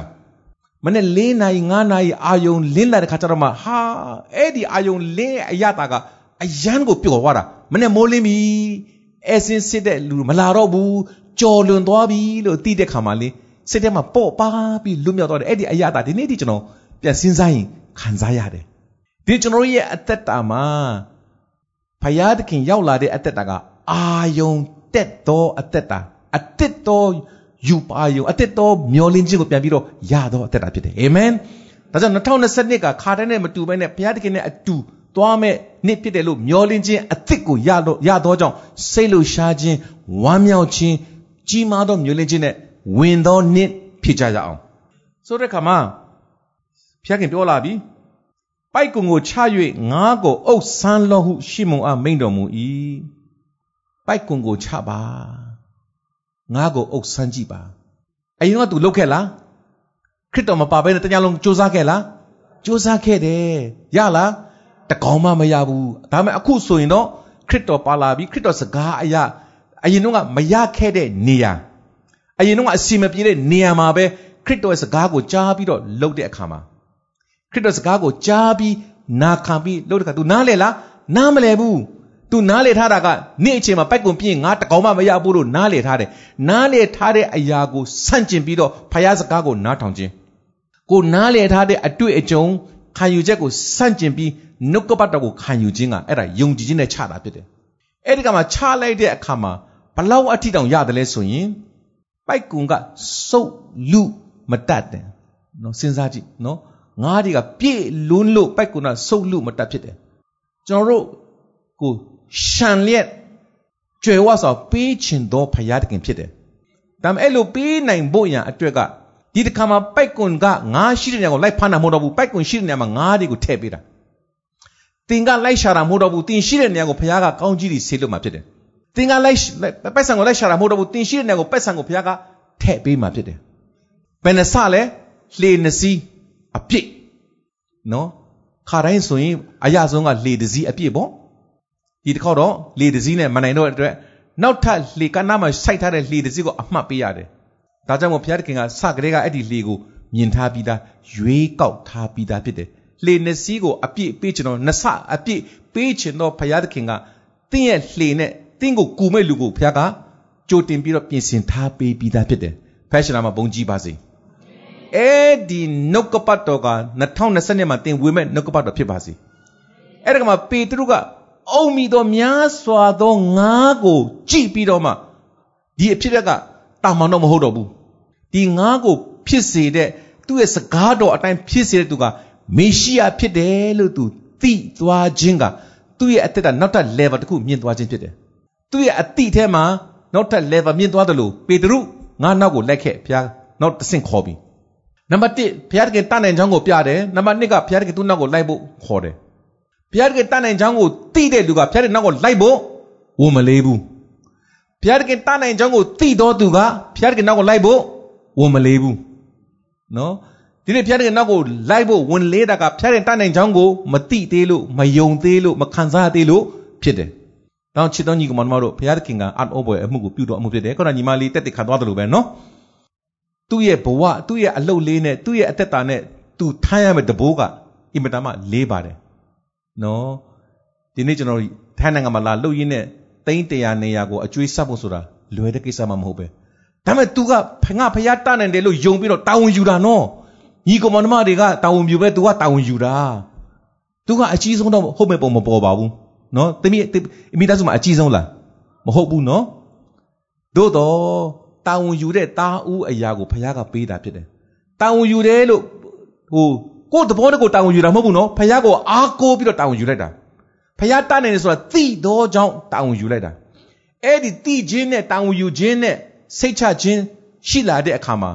ဖခင်ကလှုပ်သွားတာအန်အောဆရာကြီးနော်အန်အောဆရာကြီးအစားတော့ကတာဝန်မယူတဲ့ညီကောင်မောင်မတွေလည်းအဖေအမေပေးတဲ့အမွေကနေပြန်ပြီးပေးတဲ့ခါမှာသမီးတို့အရန်ပေါ့ပါသွားတယ်အရန်ပေါ့ပါသွားတယ်ဖခင်လှုပ်တဲ့အလုပ်ကပေါ့ပါတယ် အာမင်ဒါဆိုတင့်ကိုဖခင်တတ်နိုင်ခြင်းကိုသိပြီးတော့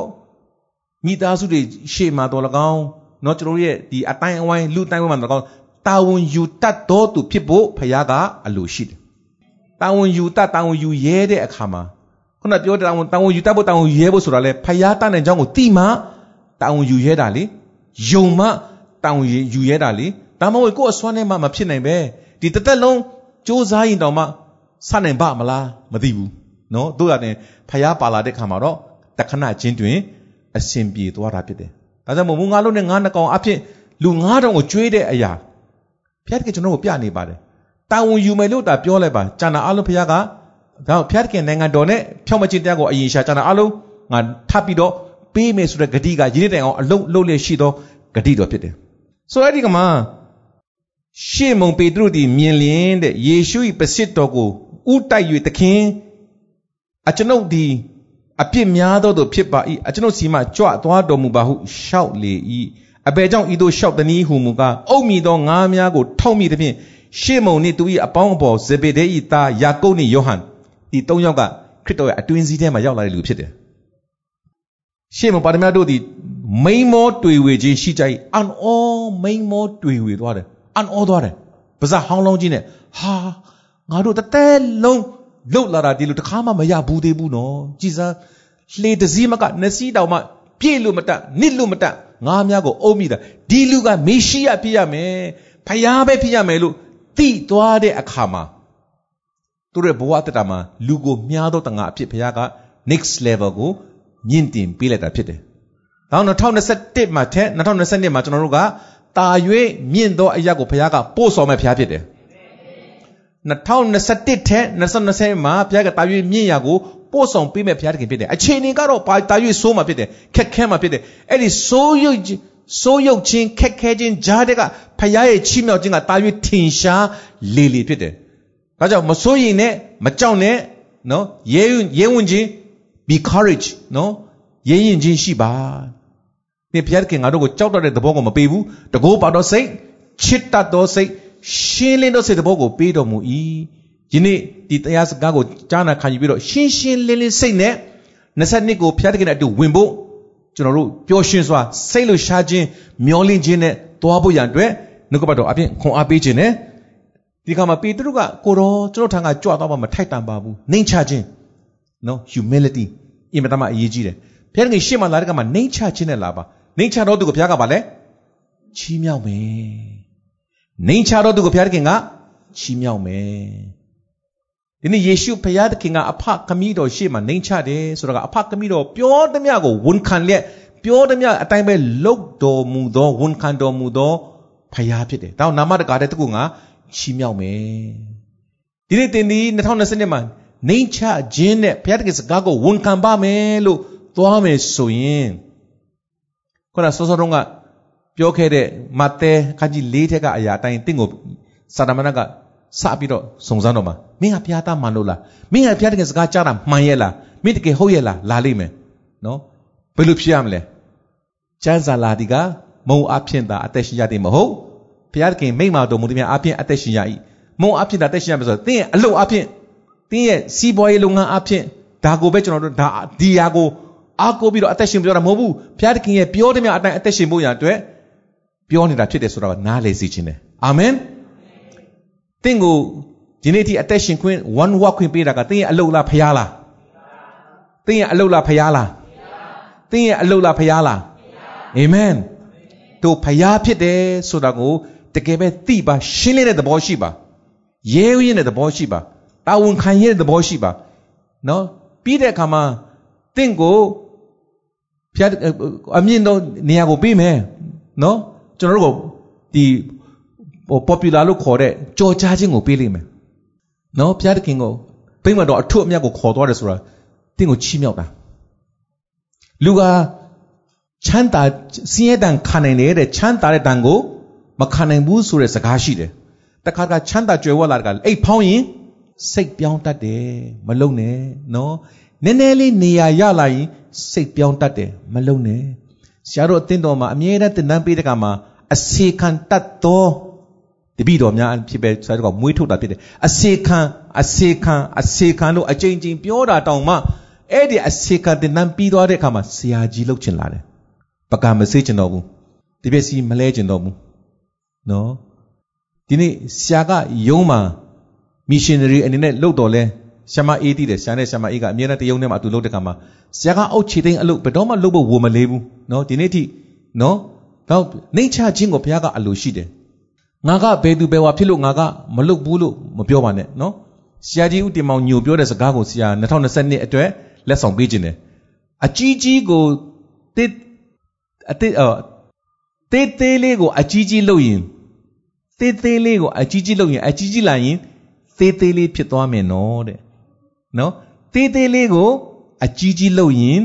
အကြီးကြီးလာရင်သေးသေးလေးဖြစ်သွားမယ်သေးငယ်တဲ့အမှုသေးသေးလေးအလုပ်ပဲဒါကငါကတင်းအောင်ဆရာပဲငါကဆရာပဲငါကပေသူပဲဝါပဲငါအလုပ်မဟုတ်ဘူးလို့ကြီးကျယ်နေရင်သေးသေးလေးအလုပ်ကိုကိုကကြီးကျယ်နေရင်အကြီးကြီးလာရင်သေးသေးလေးဖြစ်သွားမယ်ဖျက်ခင်ကြီးသောအမှုတင်ကိုမအပ်တော့ဘူးသေးသေးလေးဖြစ်သွားမယ်ဖျက်ခင်ရှိမှသေးသေးလေးဖြစ်သွားမယ်ဒါကြောင့်မို့ဒီနေ့ကျွန်တော်တို့ရဲ့အသက်တာမှာအမြဲတမ်းနှိမ်ချတဲ့သဘောအစေကတတ်တဲ့သဘောလာပါအာမင် ယေရှုခရစ်တော်ဘုရားသခင်ကိုယ်တိုင်ပင်လင်လောကကိုလာတဲ့ကမှာစေစားဖို့မလာဘူးအစေခံဖို့လာတယ်တဲ့ဒါကြောင့်ယေရှုနောက်ကိုလိုက်တော့သူများကအစေခံများတာလည်းဖြစ်တယ်ရှင်ပေါလုကငါကဘယ်သူရဲ့ကျွန်မှမဟုတ်တော့လဲလူတကာကိုရဖို့ရတဲ့ငါကလူတကာရဲ့ကျွန်ဖြစ်တယ်ခံယူထားတာနော်ပေတရုက sorry ပေါလုကတကယ်ကိုဖာဒီရှဲလေကျမ်းတက်ပုဂ္ဂိုလ်လေကျွန်တော်ဒီ Bible scholar ပေါ့နော်ကျမ်းပြုကျမ်းတက်ပုဂ္ဂိုလ်ကြီးဖြစ်တယ် ဖာဒီရှဲမွေးကလေးကဒီတရားတွေကိုသူကျင့်ခဲ့တဲ့သူဖြစ်တယ်ဒါပေမဲ့ဘုရားခင်ရှိမှသူကအပြစ်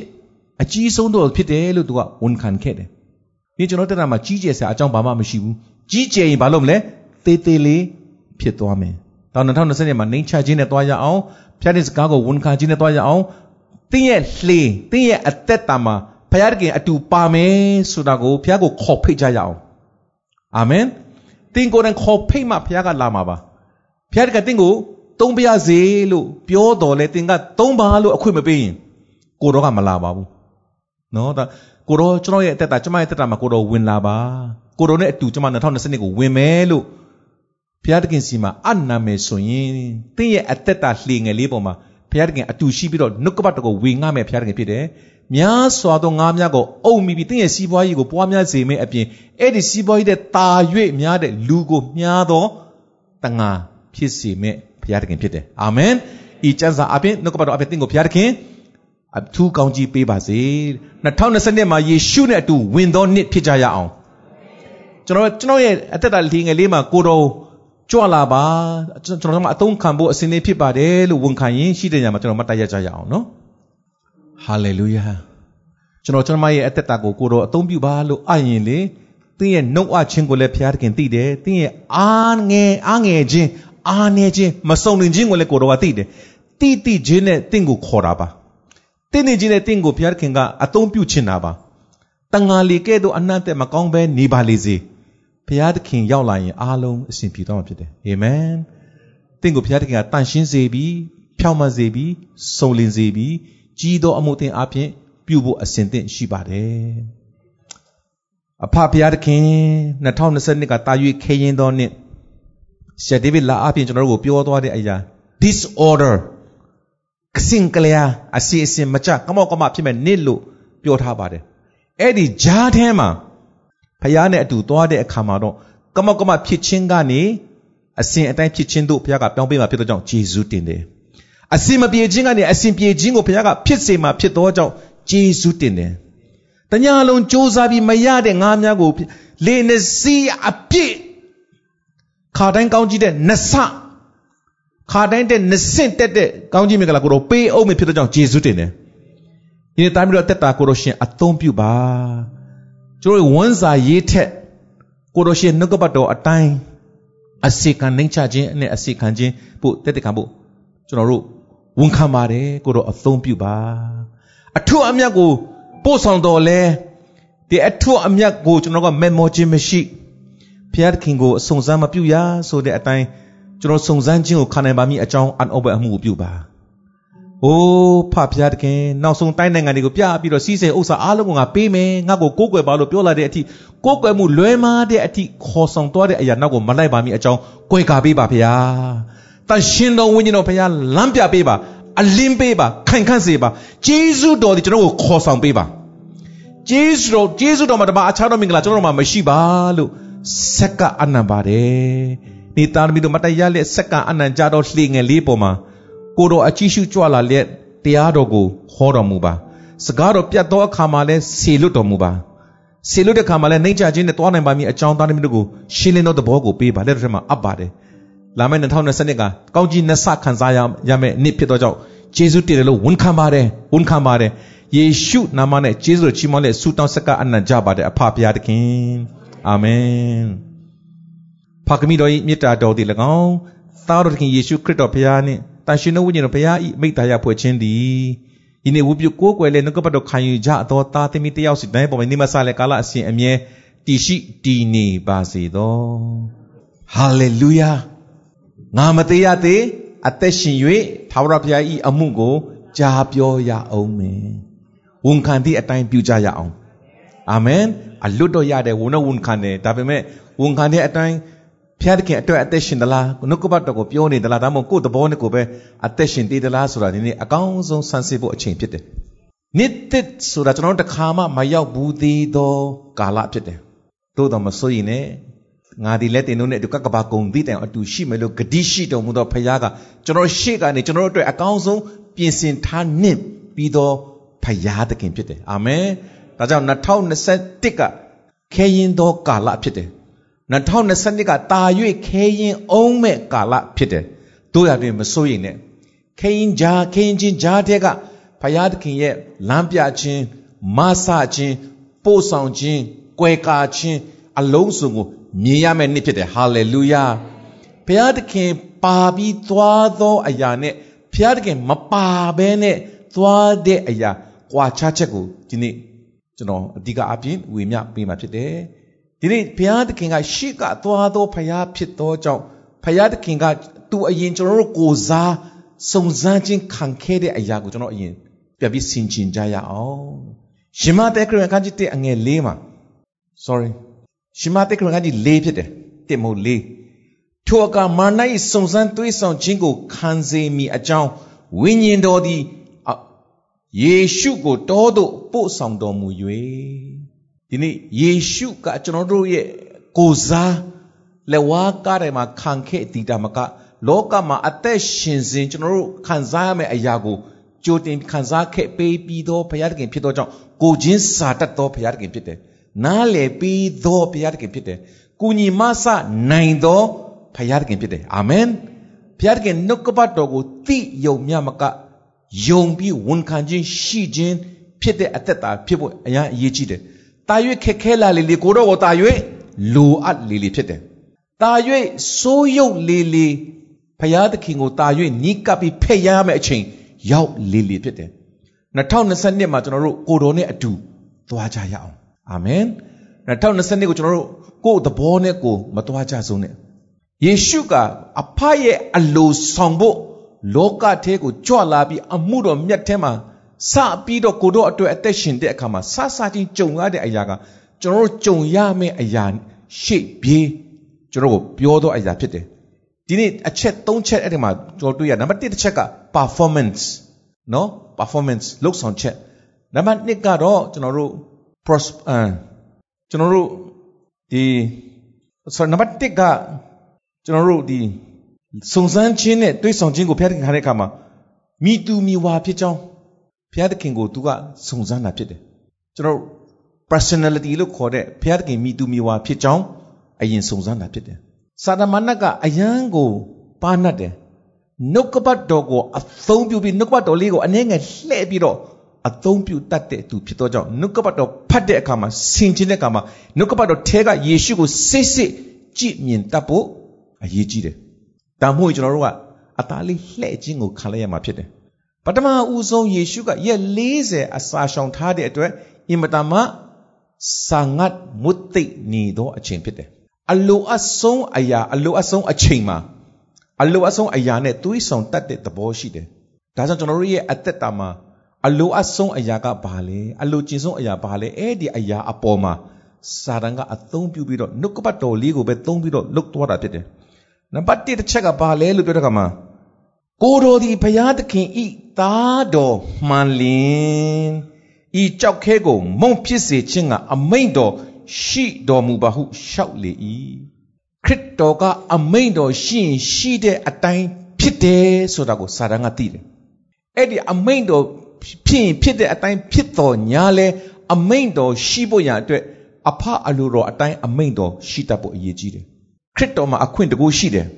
အာနာရှိတယ်ဒါပေမဲ့သူ့အလိုသူ့သဘောအတိုင်းသူဘာတစ်ခုမှမပြောဘူးလို့သူဝန်ခံခဲ့သောသူဖြစ်တယ်ဆိုတော့ကြောက်ခဲကိုမုံလုတ်ဖို့ခရစ်တော်အတွက်ခက်ခဲသောအရာလားမခက်ခဲပါဘူးအမိန့်တော်တခွန်းရှိလင်ဖြစ်တဲ့အရာပဲသို့တော့ဒီနေ့ဖျားသခင်သားမှန်လင်းဆိုတဲ့စကားကစိန်ခေါ်မှုဖြစ်တယ်မခံခြင်းစရာအကြောင်းဖြစ်တယ်နော်ကျွန်တော်ရဲ့တက်တာမှာစိန်ခေါ်မှုတွေ မခံခြင်းစရာကြောပုံကြုံလာတဲ့အခါမှာရုတ်တရက်ကျွန်တော်ရဲ့စိတ်လှုပ်ရှားခြင်းလို့ခေါ်တဲ့ emotion က arise ဖြစ်လာတဲ့အခါမှာစိတ်လှုပ်ရှားဒေါသထွက်လာတဲ့အခါမှာလျှက်တစ်ပြက်ဆရာမဏတ်ကအဲ့ဒီအချိန်မှာရက်စစ်ကြကြလာတဲ့ကဲ့သို့နော်ရက်စစ်လက်တကဲ့သို့လင်မြန်ပြီးတော့ကျွန်တော်ထဲမှာဝင်ရောက်ပြီးတော့အခွင့်အရေးယူသွားတတ်တယ်ဒါကြောင့်မို့မပြောတဲ့စကားပြောမိလိုက်တယ်မလုံတဲ့အမှုအရာပြုတ်လိုက်မိတယ် မဆုံးပြတ်တဲ့အရာဆုံးဖြတ်မိလိုက်တယ်အဲ့ဒီချိန်ကဘယ်အချိန်မှာအငိုက်မိလဲခုနပြောတဲ့စိတ်လူရှားခြင်းဒေါသပေါ်လာတဲ့အခါမှာနော်ဖြစ်တဲ့အရာဖြစ်တယ်ဒီခါမှာယေရှုကဘုရားသားတော်မှန်ဖြစ်တယ်ဆိုတာကိုသူတက်တယ်မထူဘူးပြန်မပြောဘူးပြန်မဖြေဘူးပြန်ပြီးတော့အာမချေပဘူးဘာကြောင့်လဲယေရှုကဘုရားသားဧကအမှန်ဖြစ်နေတယ်ဖြစ်ကြောင်းကိုလည်းသိတယ်ဒါကြောင့်မို့အဲ့ဒီဖြစ်ချင်းကိုကင်လှုပ်လို့မရဘူးနော် ဒါကြောင့်အမြဲတမ်းကျွန်တော်ရဲ့ဖြစ်ချင်းကိုလာပြီးကင်လှုပ်တာကစာတမဏဖြစ်တယ်ဒီနေ့ဘုရားသခင်ရဲ့နှုတ်ကပတ်တော်ကိုလာကင်လှုပ်မှာပဲကျွန်တော်တို့ရဲ့ဖြစ်ချင်းကိုကင်လှုပ်မှာပဲ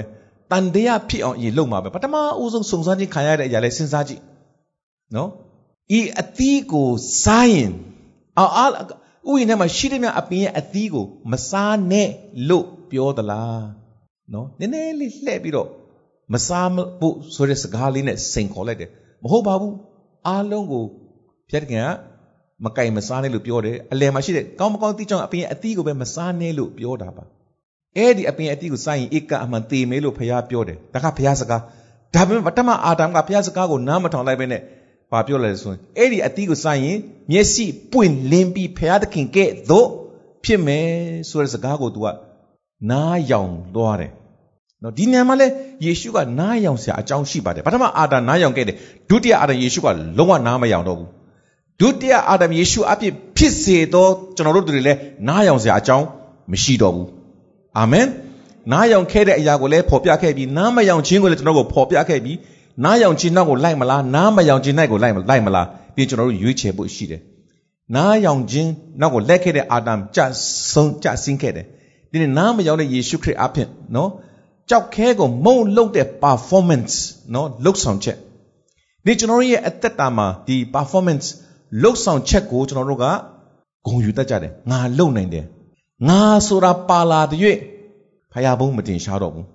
ငါဆိုတာပါလာတဲ့ဖယားအတွက်နေရာမရှိဘူးငါမတတ်နိုင်ဘူးဆိုတဲ့အဆင့်ရောက်တဲ့အခါကြာတော့မှဖယားကနေရာယူပြီးတော့ဖယားရဲ့ ability အစွမ်းအားဖြင့်လှုပ်ဆောင်သွားမှာဖြစ်တယ် ကိုယ့်ရဲ့အစွမ်းကိုအားကိုးတ၍ကိုယ့်ရဲ့တတ်စွမ်းခြင်းကိုအားကိုးတ၍ကတော့ကိုကလုံနေမှာဖြစ်တယ်ဘုရားဘုံမတင်ရှားဘူးဘုရားကအလုတ်မလုံနိုင်ဘူးဘုရားကနေရာမပေးနိုင်ဘူးဒါ2022မှာကျွန်တော်တို့ကဘုရားကိုနေရာပေးတော့နှစ်ဖြစ်ကြရအောင်2020ကဖခင်နဲ့အတူသွားသောနှစ်ဖြစ်ကြရအောင်2020မှာလှုပ်တဲ့မရအရာအားလုံးကငါလှုပ်တာမဟုတ်ပဲဖခင်ငါအားဖြင့်လှုပ်သောအရာပဲဖြစ်ပါစေကျွန်တော်အထက်ကနေဖခင်လှုပ်သောအရာဖြစ်ဖို့ရအတွက်ကျွန်တော်တို့အရေးကြီးပါတယ် အဲ့ဒီခါမှာ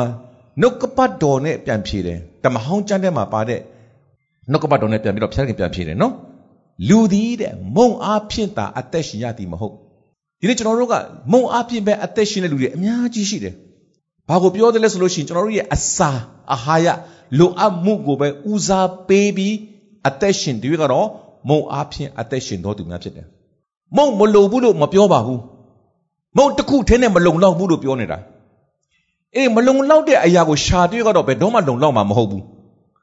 လုံလောက်စေတဲ့ဖခင်ကိုရတဲ့ခါကျမှလုံလောက်ခြင်းဆိုတာကဖြစ်လာမှာဖြစ်တယ်အာမင်တော့ကျွန်တော်ရဲ့တရားမှာလုံလောက်ခြင်းမလုံလောက်ခြင်းဆိုတာကရှိခြင်းမရှိခြင်းတဲ့သိခြင်းမသိခြင်းကတာယူအရေးကြီးတယ်နော်မမစကားမှာမရှိတာထက်မသိတာခက်တယ်တော့သိဖို့အရေးကြီးတယ်တမန်တရားကိုသိရင်အဲ့ဒီတမန်တရားကပဲကျွန်တော်ကိုလွတ်ချင်းအခွင့်ကိုပေးမှာဖြစ်တယ် လူတွေကအလွဲယူတတ်တယ်တမန်တရားကိုသိလို့ပြောတဲ့အခါမှာအမှန်တရားကိုသိခြင်းအမှန်တရားအပေါ်မှာယက်တည်ခြင်းလို့ပြောတာအဲ့ဒီထက်လေးနေပါတယ်တားတော်ဒီလွတ်နေဧကအမှန်လွတ်လိမ့်မယ်ဆိုတဲ့နောက်ကပါလာတဲ့စကားအပြင်အမှန်တရားဆိုတာဘာလို့လဲယေရှုခရစ်တော်ကိုပြောတာလောကမှာရှိတဲ့ဖြစ်ပျက်တဲ့အမှန်အမှားကိုပြောတာမဟုတ်ဘူးယေရှုခရစ်တော်ဒီဟူသောတမန်တရားသစ္စာတရားအမှန်တရားကိုပြောသောစကားဖြစ်တယ်။တောင်းယေရှုကိုသိခြင်းကနှုတ်ကပတ်တော်ကိုသိခြင်းက ဘုရားကိုသိခြင်းဖြစ်တယ်။ငါ့ကိုစေလွတ်တော်သူကိုယုံကြည်လက်ခံခြင်းကအဖခမည်းတော်အလိုကိုဆောင်ခြင်းဖြစ်တယ်။ငါ့ကိုစေလွတ်တော်သူယေရှုကိုမြင်တော်သူကအဖခမည်းတော်ကိုမြင်တော်သူဖြစ်တယ်။ငါ့ကိုစေလွတ်တော်တဲ့သားတော်ယေရှုကိုသိတော်သူကအဖခမည်းတော်ကိုသိတော်သူဖြစ်တယ်။ဒါကျွန်တော်ရဲ့အသက်တာမှာယေရှုခရစ်တော်ဘာလုပ်ခဲ့တယ်လဲဆိုတာကျွန်တော်ကြည့်ဖို့ရအရေးကြီးတယ်။2020ကိုဝင်တဲ့အခါမှာယေရှုကဲ့သို့စုံစမ်းခြင်းကကျွန်တော်ကိုစောင့်နေမှာဖြစ်တယ်။မင်းဘယ်လောက်လုံနိုင်တယ်လဲစာတမန်ကကျွန်တော်ကိုမေးမယ်စိန်ခေါ်မယ်နော်။ အသက်ငယ်လေးလေးအစွမ်းတတ်တရှိလေးလေးအစွမ်းကိုအားကိုးလေးလေးကိုယ့်ရဲ့ခွန်အားကိုအားကိုးလာလေးလေးဖြစ်တယ်။ဒီနေ့ကျွန်တော်ရဲ့တက်တာမှာအဲ့ဒီအစွမ်းကိုအားကိုးပြီးလို့ဆောင်တရွက်ကဖျားဘုံအတွက်မထင်ရှားဘူး။ဒါကြောင့်မို့ဖျားသခင်တရှေ့မှာတနေ့မီးနဲ့စစ်တက်ကမှကြံမဲ့အရာကနံပါတ်1ဖျားသခင်အလိုတော်အတိုင်းဖျားသခင်တကိုးတော်အဖြစ်ဖျားခင်ဘုံတော်အတွက်ဒီသုံးချက်လုပ်တဲ့အရာကပဲမီးနဲ့စစ်တဲ့အခါမှာမပြည့်စည်တဲ့ရွှေငွေ အဖို့တန်ကြောက်ကြောက်မြက်ယတနာဖြစ်မှာဖြစ်တယ်နော်ဒီနေ့ကျန်တဲ့အရာတွေအားလုံးကကောက်ရိုးမြဲတစ်သားပြီးဖြစ်ပြီးတော့မီးလောင်တဲ့အခါမှာလောင်ကျွမ်းသွားမဲ့အရာတွေပဲဖြစ်တယ်။ဒါကြောင့်ဒီနေ့ကျွန်တော်တို့အသက်တာမှာယခုကာလမှာလည်းအကျိုးရှိမဲ့အရာထာဝရကာလမှာလည်းအကျိုးရှိမဲ့အရာအမြဲကြံတဲ့အရာကိုကျွန်တော်တို့ကအခုကတည်းကယင်းနီးမြုံနှံစုဆောင်းထားဖို့အရေးကြီးတယ်။ဒါကြောင့်ဘုရားသခင်ကမုံကိုကြောက်ခဲကိုမုံလုံနိုင်သလားလုံနိုင်တာပေါ့ လွယ်လွယ်လေးပဲမရှိတဲ့အရာကနေလည်းရှိတဲ့အရာဖြစ်စေဖို့နှုတ်တော်ထွက်စကားပြဖန်ဆင်းနေမဟုတ်ဘူးလားမုံဖြစ်စေလို့ယေရှုကတခွန်းပြောလိုက်ရင်မုံဖြစ်သွားမှာဖြစ်တယ်ဒါပေမဲ့ကျမ်းစာကလူသည်မုံအဖြစ်သာအသက်ရှင်ရသည်မဟုတ်ဘုရားသခင်မိန့်မာတော်မူသည်များအဖြစ်အသက်ရှင်ရ၏ဒါကြောင့်မို့မုံအားဖြင့်အသက်ရှင်တော်သူများမုံအားဖြင့်အသက်ရှင်ဖို့လိုအပ်တယ်လို့ထင်တော်သူများယနေ့ပြန်လှည့်လာပြီးတော့နှုတ်ကပတ်တော်အဖြစ်နှုတ်တော်တဲ့စကားအဖြစ် အသက်ရှင်တော်သူဖြစ်ဖို့ရအတွက်အရေးကြီးတယ်နှုတ်ကပတ်တော်ရှိတဲ့သူကဖရာသခင်ရှိတော်သူဖြစ်တယ်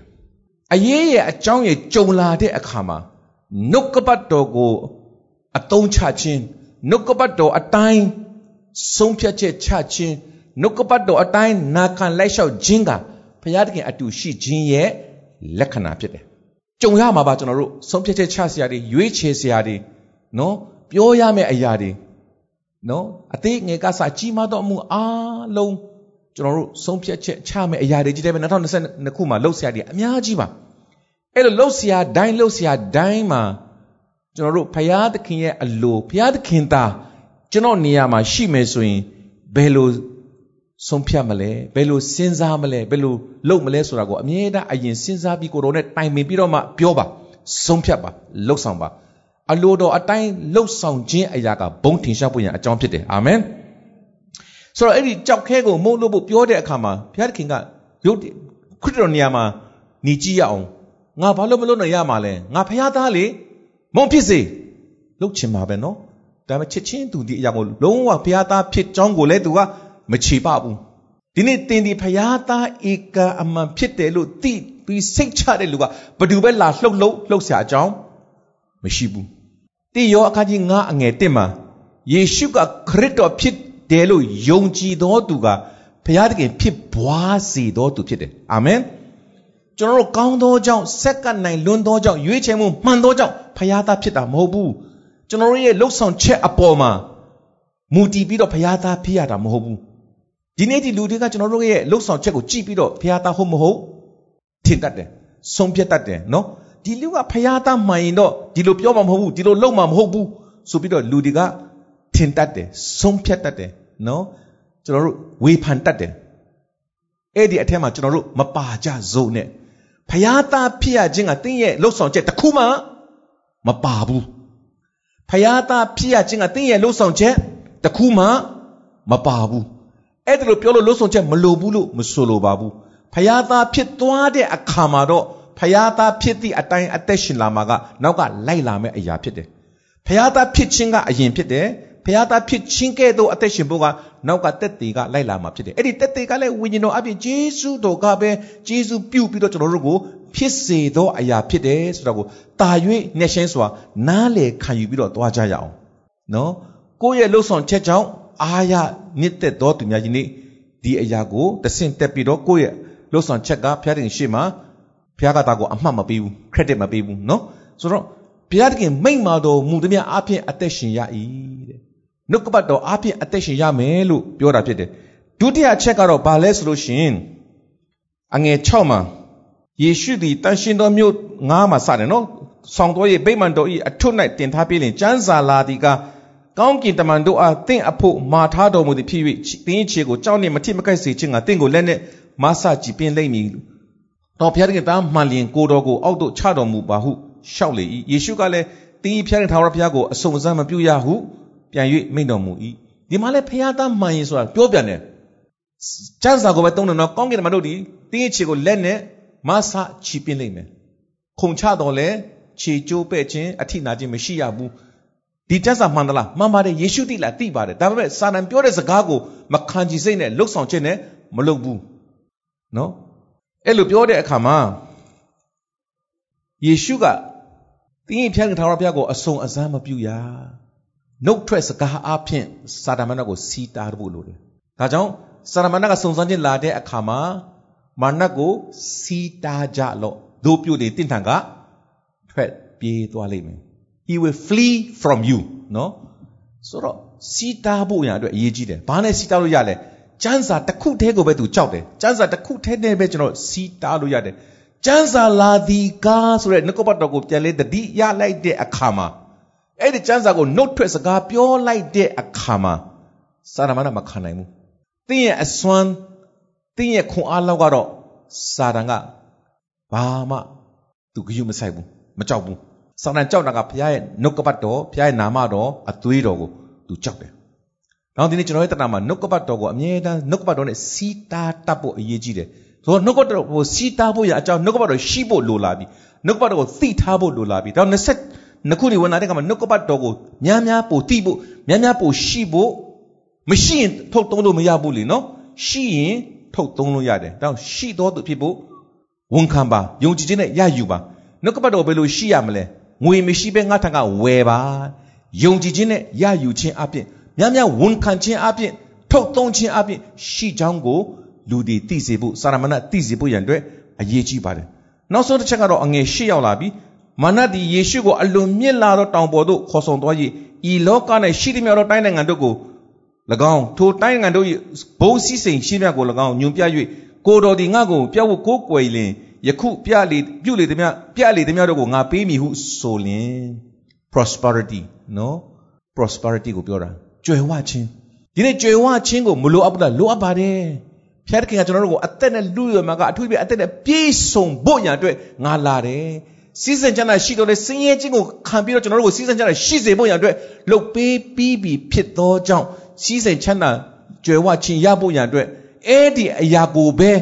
ဦးစားပေးရှာဖို့မလိုတော့ဘူးစ조사ဖို့လိုတယ်ကိုးစားဖို့လိုတယ်ဒါပေမဲ့အဲ့ဒီအရာတက်တက်နောက်ကိုလိုက်ရင်တော့မှားသွားလိမ့်မယ် ဖယားကိုကိုးစားခြင်းအပြင်ဖျားပြရတဲ့အစွမ်းကိုအသုံးပြုဖို့အရေးကြီးတယ်ဒီနေ့ယုံကြည်တယ်ဆိုပြီးတော့ဘာမှမလုပ်ပဲထိုင်နေလို့မို့ဖျားတခင်အလိုမရှိဘူးနော်ယုံကြည်ခြင်းနဲ့ဖျားတခင်ပေးတဲ့အစွမ်းကိုပေါင်းပြီးတော့မှဘုရားသခင်အတွက်စ조사ကိုးစားပြီးအသက်ရှင်ခြင်းအပြင်ကြွယ်ဝသောအသက်တာကိုလည်းဘုရားသခင်ပေးမယ်လို့ဂတိရှိတဲ့အတိုင်းရယူဖို့ရတဲ့ဖြစ်တယ်တို့ရတွင်ဖြတ်လန်းအပြင်အဲ့ဒီနောက်ကိုပဲလိုက်ပြီးတော့စာတမဏတ်ကိုကိုးကွယ်ဖို့စာတန်ကလိုချင်တယ်ဒီနေ့စာတန်ကိုကိုးကွယ်ခြင်းဆိုတာက စာတန်ကိုတော့ကိုးကွယ်မှကိုးကွယ်တာမဟုတ်ဘူးငွေကိုကိုးကွယ်ခြင်းကစာတန်ကိုကိုးကွယ်ခြင်းဖြစ်တယ်ဘုရားသခင်ထက်တာ၍ပထမနေရာမှာထားတဲ့အရာမှန်တမျှကတင်းရဲ့ကိုးကွယ်သောအရာဖြစ်တယ်တခါတခါတင်းရဲ့အလုတ်ကိုတင်းမသိဘဲနဲ့ကိုးကွယ်မိတယ်တင်းရဲ့ဥစ္စာများကိုတင်းမသိဘဲနဲ့ကိုးကွယ်မိတယ်အဲ့ဒီအရာကိုဒီနေ့ပြန်ပြီးတော့ဆင်ချင်းပြီးတော့2020မှာဒီအရာကိုကျွန်တော်ထားခဲ့ဖို့ရအတွက်2021မှာထားခဲ့ပြီး2022မှာခရစ်တော်နဲ့ပဲနှုတ်ကပတ်တော်နဲ့ပဲဝင်ဖို့အတွက်ဒီနေ့အားပေးခွန်အားပေးပါရစေလို့နော် ပြီးတဲ့ခါမှာကျွန်တော်တို့ရှင်လုကခရစ်အခန်းကြီး9ကိုသွားရအောင်တစ်ကနေပြီးတော့ကျွန်တော်တို့အသေးစိတ်တော့မဖတ်တော့ဘူးဂါလိလဲအိုင်ဂေနေတရက်လို့ခေါ်တဲ့ဂါလိလဲအိုင်မှာရှိတဲ့ပေတရုယာကုပ်ယောဟန်ဒီ၃ယောက်ကခရစ်တော်ရဲ့အတွင်းစည်းဖြစ်တဲ့ခရစ်တော်နဲ့အနိကဆုံးသောတမန်တော်တွေဖြစ်လာတဲ့သူတွေဖြစ်တယ်သူတို့ကိုဘုရားသခင်ကခေါ်ဖို့ရန်အတွက်ရောက်လာတဲ့အခါမှာသူတို့ရဲ့အသက်တာမှာဂါလိလဲအိုင်ဆိုတာသူတို့ကျင်လည်ကျက်စားရာအရာဖြစ်တယ် ပြောချင်တဲ့အရာကသူတို့ကျင်လည်ကျက်စားရာကျွမ်းကျင်ရာနေရာမှာကိုတော်မပါဘဲနဲ့တွားခဲ့တဲ့ညမှာငါးတကောင်မှမရဘူးတဲ့ကျွန်တော်တို့မနေ့ပြန်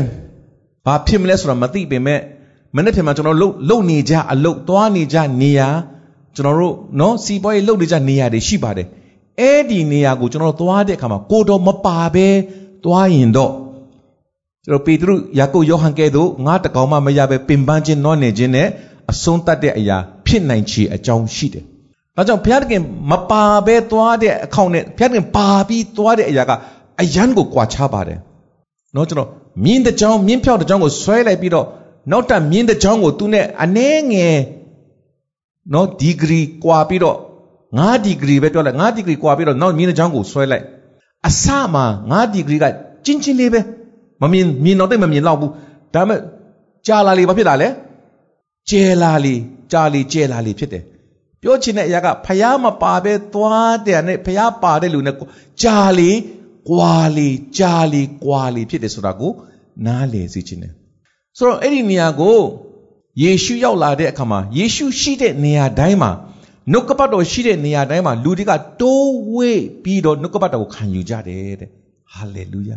ဒီနေ့ MC ရဲ့အသင်းတော်ကဂျေဇုတော်ကြောင့်နော်ကိုဗစ်ကာလမှာ ပြန်စတဲ့ကမှာအရှိန်အများကြီးယူရမယ်အောက်မေ့တာဂျေဇုတော်ကြောင့်ဖခင်တကယ်လှုပ်တဲ့ခါမှာအရှိန်အဟုန်ကလင်မြန်စွာပြန်ပြီးတက်လာတာတွေ့ရတယ်အသင်းတော်တော်များများကြည့်ပါနော်ကျွန်တော်တို့နားဆွင့်ပြီးတော့နားထောင်ကြည့်ပါလူတွေတော်တော်များများကပြန့်လွင့်သွားတယ်ပြန်ပြီးစုပြီးဖို့အရန်ခက်ခဲတယ်ဂျေဇုတော်ကြောင့် MCA အသင်းတော်ပြန်ကြည့်တဲ့အခါမှာလူငယ်တွေစိတ်ဝင်စားအောင် game ဆော့တာတို့နော်ကျွန်တော်တို့အခွင့်အရေးပေးတာတို့နိုင်ငံခြားကိုသွားပွင့်တဲ့ပြင်ဆင်ပေးတဲ့အရာတွေဘာတစ်ခု မှမရှိဘူးနော်တို့ကတင်ဘာပဲရှိလဲဆိုနှုတ်ကပတ်တော်ကိုပဲတုံတင်ပေးတဲ့အတွက်နှုတ်ကပတ်တော်ရဲ့အသက်ရှင်ခြင်းကောင်းကြီးခံစားရခြင်းရဲ့တက်သေးတွေလည်းရှိတဲ့အခါမှာနော်ကျွန်တော်တက်သေးခံချက်အပြင်ကြားရတဲ့အသင်းသူသင်သားများအပြင်ဆရာတွေအပြင်တွေ့မြင်ရတဲ့ဘုရားသခင်အသက်ရှင်ခြင်းဘုရားသခင်ကိုချီးမြှောက်တဲ့နေရာမှာများစွာလူတွေကိုငါဆွဲခေါ်မယ်ဆိုတဲ့ဂတိကတွေ့ရတာဖြစ်တယ်ဂျေစုတင်နဲ့တင်တို့ရောက်မလာရင်လည်းဒီ MC တင်တော်ကတင်လို့ပြေရှမ်းပြီးတော့နှုတ်ထမှုရှိမှာမဟုတ်ပါဘူးအရောက်စီတိုင်းရဲ့ဆာငတ်ခြင်း နှုတ်ကပတ်တော်ရှိတော့ကြောင့်နှုတ်ကပတ်တော်ဆာငတ်တော့ကြောင့်လာတော့ကြောင့်ဂရိတော်ကလည်းဆာငတ်တော့သူကငါကဝါစွာကျွေးမယ်တဲ့ဒါကြောင့်ဆာငတ်ဖို့အင်မတန်မှအရေးကြီးတယ်နော်ဆာငတ်တဲ့အခါမှာလေဘာနဲ့ပဲဆဆအရန်စားလို့မိန်တယ်လို့ပါပဲဝိညာဉ်ရေးရမှာလဲဆာငတ်ရင်လေဘဒူပဲဟောဟောဘာပဲပြောပြောအရန်ကိုသဘောကျတယ်ခါယူနိုင်တယ်မဆာငတ်တဲ့လူကဘလောက်ပဲကောင်းကောင်းဤပြီးတော့လေနားမထောင်ခြင်းဘူးနော်မမွေ့လို့နိုင်ဘူးဒီနေ့ဖျားသခင်နှုတ်ကပတ်တော်မှာဆာငတ်မှုသိဖို့အရေးကြီးတယ်တိုးဝေးပြီးလာတဲ့အခါမှာ ကမ်းနားမှာရှိတဲ့လှေနှစ်စီးကိုကိုတော်ကမြင်တယ်အဲ့ဒီလှေတွေကတန်ငါတန်ငါလေတွေပါတန်ငါလေဆိုတာကအစင်းတရံလဲမလှပါဘူးအနံ့အသက်လဲမကောင်းပါဘူးသုံးချင်စရာလဲမကောင်းပါဘူးအဲ့ဒီလှေကိုမှဖခင်ကမြင်တာဖြစ်တယ်ဒီကျွန်တော်ရဲ့အသက်တာမှာနော်အစင်းတရံလဲမလှဘူးအနံ့သက်လဲမကောင်းဘူးသုံးချင်စရာလဲမကောင်းတော့သူမှန်တော်လဲသင်ကို ဖခင်တခင်မြင်တယ်တဲ့အာမင်ကျွန်တော်ကိုဖခင်တခင်မြင်တယ်လို့ခံယူတော်သူရဲ့အပေါ်မှာဖခင်တခင်ကသင်ကိုမြင်နေတာဖြစ်တယ်ဒါတော့တမန်တရားကိုသိရင်တမန်တရားကလွတ်လိမ့်မယ်ဆိုတော့အဲ့ဒါကိုပြောတာအဲ့လိုမြင်တဲ့အခါမှာဖခင်ကမြင်တယ်ဆိုတဲ့ဟာကိုစပြီးတော့ပြောထားတာကအကြောင်းရှိတယ်ဒီနေ့တင့်ကိုမြင်တယ်ဆိုတဲ့ခံယူချက်ကိုပေးထားတာကအကြောင်းရှိတယ်လိုအပ်ရင်ဖခင်ခေါ်တော့မယ်လိုအပ်ရင်ဖခင်ခေါ်တော့မယ်တခင်အလိုရှိတဲ့အခါမှာတခင်ခေါ်တဲ့အခါမှာအစင်တင်ရှိဖို့ပဲကျွန်တော်ဘက်က အရေးကြီးပါတယ်ဆိုတော့အဲ့ဒီခါမှာပေတရုရဲ့လေကိုရွေးချယ်ပြီးတော့မှအသုံးပြုတယ်ဒီနေ့သင်ရဲ့အသက်တာကိုဘုရားကရွေးချယ်ပြီးတော့အသုံးပြုခြင်းပါတယ်စင်ချီမပေးပါနဲ့ကိုရောကျွန်တော်စံစာကြောင့်မတက်ရသေးဘူးကိုရောကျွန်တော်အားနေပါတယ်ကျွန်တော်မပြည့်စုံပါဘူးစင်ချီမပေးပါနဲ့သင်အားနေခြင်းမတတ်ခြင်းမပြည့်စုံခြင်းကိုကိုရောသိလားသိတယ်သိရဲ့သားနဲ့အရှိကိုအရှိအတိုင်း ချစ်တဲ့ဖရားလက်ခံတဲ့ဖရားသုံးချင်တဲ့ဖရားသုံးနိုင်တဲ့ဖရားတကယ်ဖြစ်တယ်ဟာလေလုယာဒါကြောင့်မို့ကျွန်တော်2020မှာဖရားတကယ်သုံးပါလို့စက်ကပ်ဖို့ပဲအရေးကြီးတယ်အချိန်မရွေးကိုတော့ကိုဦးစားပေးနော်အလုတ်နဲ့ဖရားနဲ့ပတ်သက်လာရင်လူတွေကအလုတ်ကိုဦးစားပေးတတ်တယ်ဘာကြောင့်လဲအလုတ်ပြုတ်သွားမှကြောက်တယ်လေအလုတ်ကကိုကိုဘိုက်အတွက်ဝန်စာအတွက်အဓိကပေးတဲ့လူလို့ထင်တတ်ကြတယ်လေမဟုတ်ပါဘူး ကျွန်တော်တို့ကအသက်ရှင်ခွင့်ပေးတာကပြင်ဖရားပဲဖြစ်တယ်ကျွန်တော်ကအလုတ်စီးပွားရေးကောင်းမှုစီတာကလည်းဖရားသခင်ပဲဖြစ်တယ်ဒါကြောင့် resource နဲ့ source နဲ့မတူဘူး resource ဆိုတာကကျွန်တော်ဗမာလူကတယံစာတာလို့အတိတ်ပဲရတယ်ဖျားခင်ဖန်ဆင်းတဲ့ဖန်ဆင်းထားတဲ့ဖန်ဆင်းခံအရာတွေကိုပြောတာ source ဆိုတာကမူလအရင်အမြစ်ကဘုရားသခင်ပဲဖြစ်တယ်အာမင်မူလအရင်အမြစ်ဖြစ်တဲ့ဘုရားသခင်နဲ့အဆက်ရဖို့ကတာရွေ့အရေးကြီးတယ် အဲ့ဒီမူလအရင်အမြစ်ဖြစ်တဲ့ဘုရားသခင်စီကခန်းချောက်သွားရင်အဆက်ပြတ်သွားရင်ဘုရားသခင်ဖန်ဆင်းထားတဲ့အရာတွေကလည်းကျွန်တော်တို့ကဘာမှရစရာအကြောင်းမရှိတော့ဘူး။ဒါကြောင့်ကျွန်တော်တရမှာထိုဖရားနဲ့ကျွန်တော်အဆက်ရဖို့အရေးရှိတယ်။အရေးကြီးပါတယ်လို့အခွင့်တောင်းတဲ့ကမှာပေတရုကအဲ့ဒီချိန်မှာပေတရုရဲ့အခြေအနေကြည့်အောင်တညာလုံးငါဖမ်းလို့မရဘူးတဲ့။စိတ်တက်ကြနေတဲ့အချိန်ဖြစ်တယ်။မောပန်းနေတဲ့အချိန်ဖြစ်တယ်။အလုတ်သိမ်းတဲ့အချိန်ဖြစ်တယ်။ပိုက်ကွန်ဆေးပြီးအိမ်ပြန်ဖို့အစဉ်သင့်လှေကိုဆေးပြီးတော့ အလုတ်သိမ်းပြီးအိမ်ပြန်ဖို့အစဉ်သင့်ဖြစ်နေတဲ့အခါကြတော့မှနော်ဖခင်ကမင်းရဲ့လှေကိုသုံးပြရစီလို့ပြောတယ်ဒီကျွန်တော်ရဲ့အသက်တာမှာအခြေအနေအကြောင်းအမျိုးမျိုးကြောင့်နောက်ဆုတ်ဖို့နော်တော်ပါပြီကွာငါဘုရားကြောင့်မတက်တော့ဘူးတော်ပါပြီကွာဘုရားတခင်အတွက်တော့ငါအသက်မရှင်တော့ဘူးလို့ဆုံးဖြတ်ချက်ချလိုက်တဲ့အချိန်တင့်ကိုဘုရားတခင်မြင်တယ်အာမင် ဆရာစပြီးအမှုတော်ဆောင်ဂါဇတုံးကလေမိသားစုကိုလည်းမခေါ်နိုင်ဘူးတယောက်တည်းကျွန်တော်နေတဲ့ဘဝမှာတာသူများသားသမီးတွေကစားကွင်းမှာကစားတာတွေ့ရင်လည်းမျက်ရည်ကျမိတယ်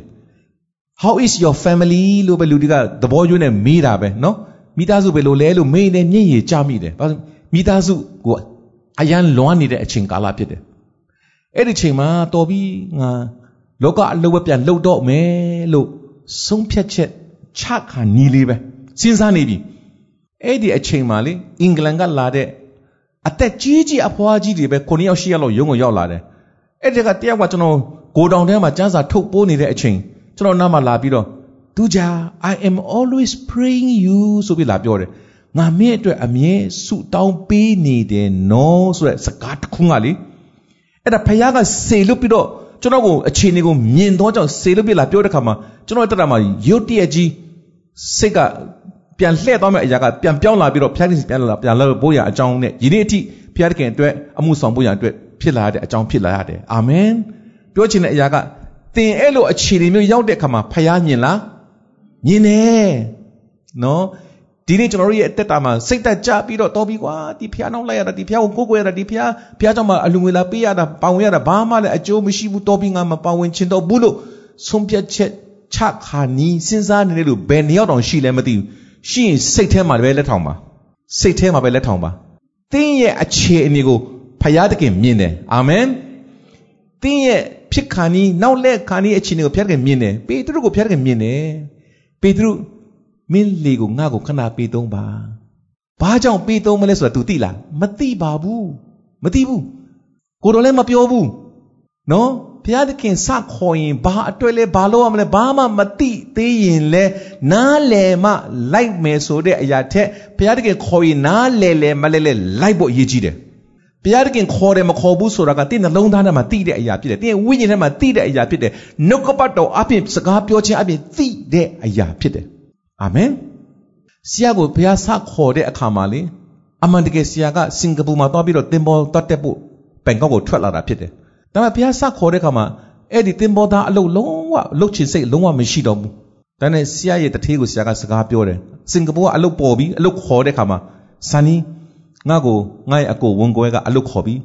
ဒါပေမဲ့ငါကလောကအလုပ်ကနှစ်ကြိုက်ရမယ်ဖရာအလုပ်ကတကြိုက်ရမယ်ဆိုရင်ဖရာအလုပ်ပဲလုပ်တော့မယ်ဆိုပြီးတော့လုပ်ချင်တယ်လို့ကျွန်တော်ပြောလိုက်တဲ့အခါမှာသူကကျွန်တော်ပေဆောင်ပေဆောင်ကြည့်ပြီးတော့မင်းငါငါနဲ့လုပ်ကွာဆိုပြီးတော့ဆရာကိုပြောလိုက်တာအဲ့ဒါကကျွန်တော်ရဲ့ job appointment ဒီနေ့အထိပဲနေ့30ကြော်သွားပြီ။ 30နှစ်ထဲဝင်လာပြီအာမင်ဆိုတော့ဘုရားတခင်နောက်ကိုလိုက်ဖို့ဆုံးဖြတ်လိုက်တဲ့အခါမှာစပြီးဘုရားကစတာဝန်ယူတာဖြစ်တယ်ဒီနေ့အထိတာဝန်ယူတဲ့ဘုရားတခင်ဖြစ်တယ်အာမင်ဒါသင်ကဘုရားတခင်နောက်ကိုလိုက်မယ်ဘုရားတခင်ခေါ်ပြီးဆိုရင်ဘုရားတခင်ကသင်ကိုတာဝန်ယူမဲ့ဘုရားတခင်ဖြစ်တယ်တော့ဘုရားသခင်နောက်ကိုလိုက်ဖို့လုံးဝမကြောက်မရွံ့ပါနဲ့ ဘုရားသခင်ကစัจ java လာတစ်ခုလုံးကိုပိုင်တာအုပ်ဆိုးသောဘုရားသခင်ဖြစ်သောကြောင့်သူခေါ်တဲ့လူတိုင်းကိုကြွယ်ဝစွာချပေးနိုင်ဖို့အစွမ်းရှိသောဘုရားကြွယ်ဝသောဘုရားချမ်းသာသောဘုရားသခင်ဖြစ်တယ်ဟာလေလုယာဒီနေ့တခါကကျွန်တော်တို့ရဲ့အလုရှင်ရဲ့ချမ်းသာကြွယ်ဝခြင်းကမတည်မြဲပါဘူး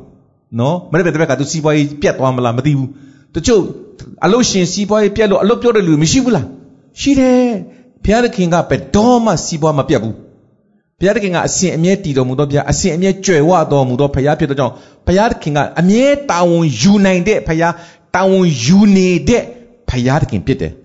အာမင်ဒါကြောင့်ဘုရားသခင်နောက်ကိုလိုက်ဖို့ဘုရားသခင်ခိုင်းတဲ့အခါမှာခေါ်ရင်မတွန့်ဆုတ်ပါနဲ့ do not hesitate နော်ဘာမှစနိုးစနောက်မဖြစ်ပါနဲ့ဘုရားကတင့်ကိုခေါ်ပြီးဆိုတာဝန်ယူမဲ့ဘုရားသခင်ဖြစ်တယ်ပေတရုကနားမလဲပါဘူးလေကိုအခွင့်ပေးပါတယ်ဘုရားသခင်ကလေကိုအသုံးပြုပြီးပါလို့လဲ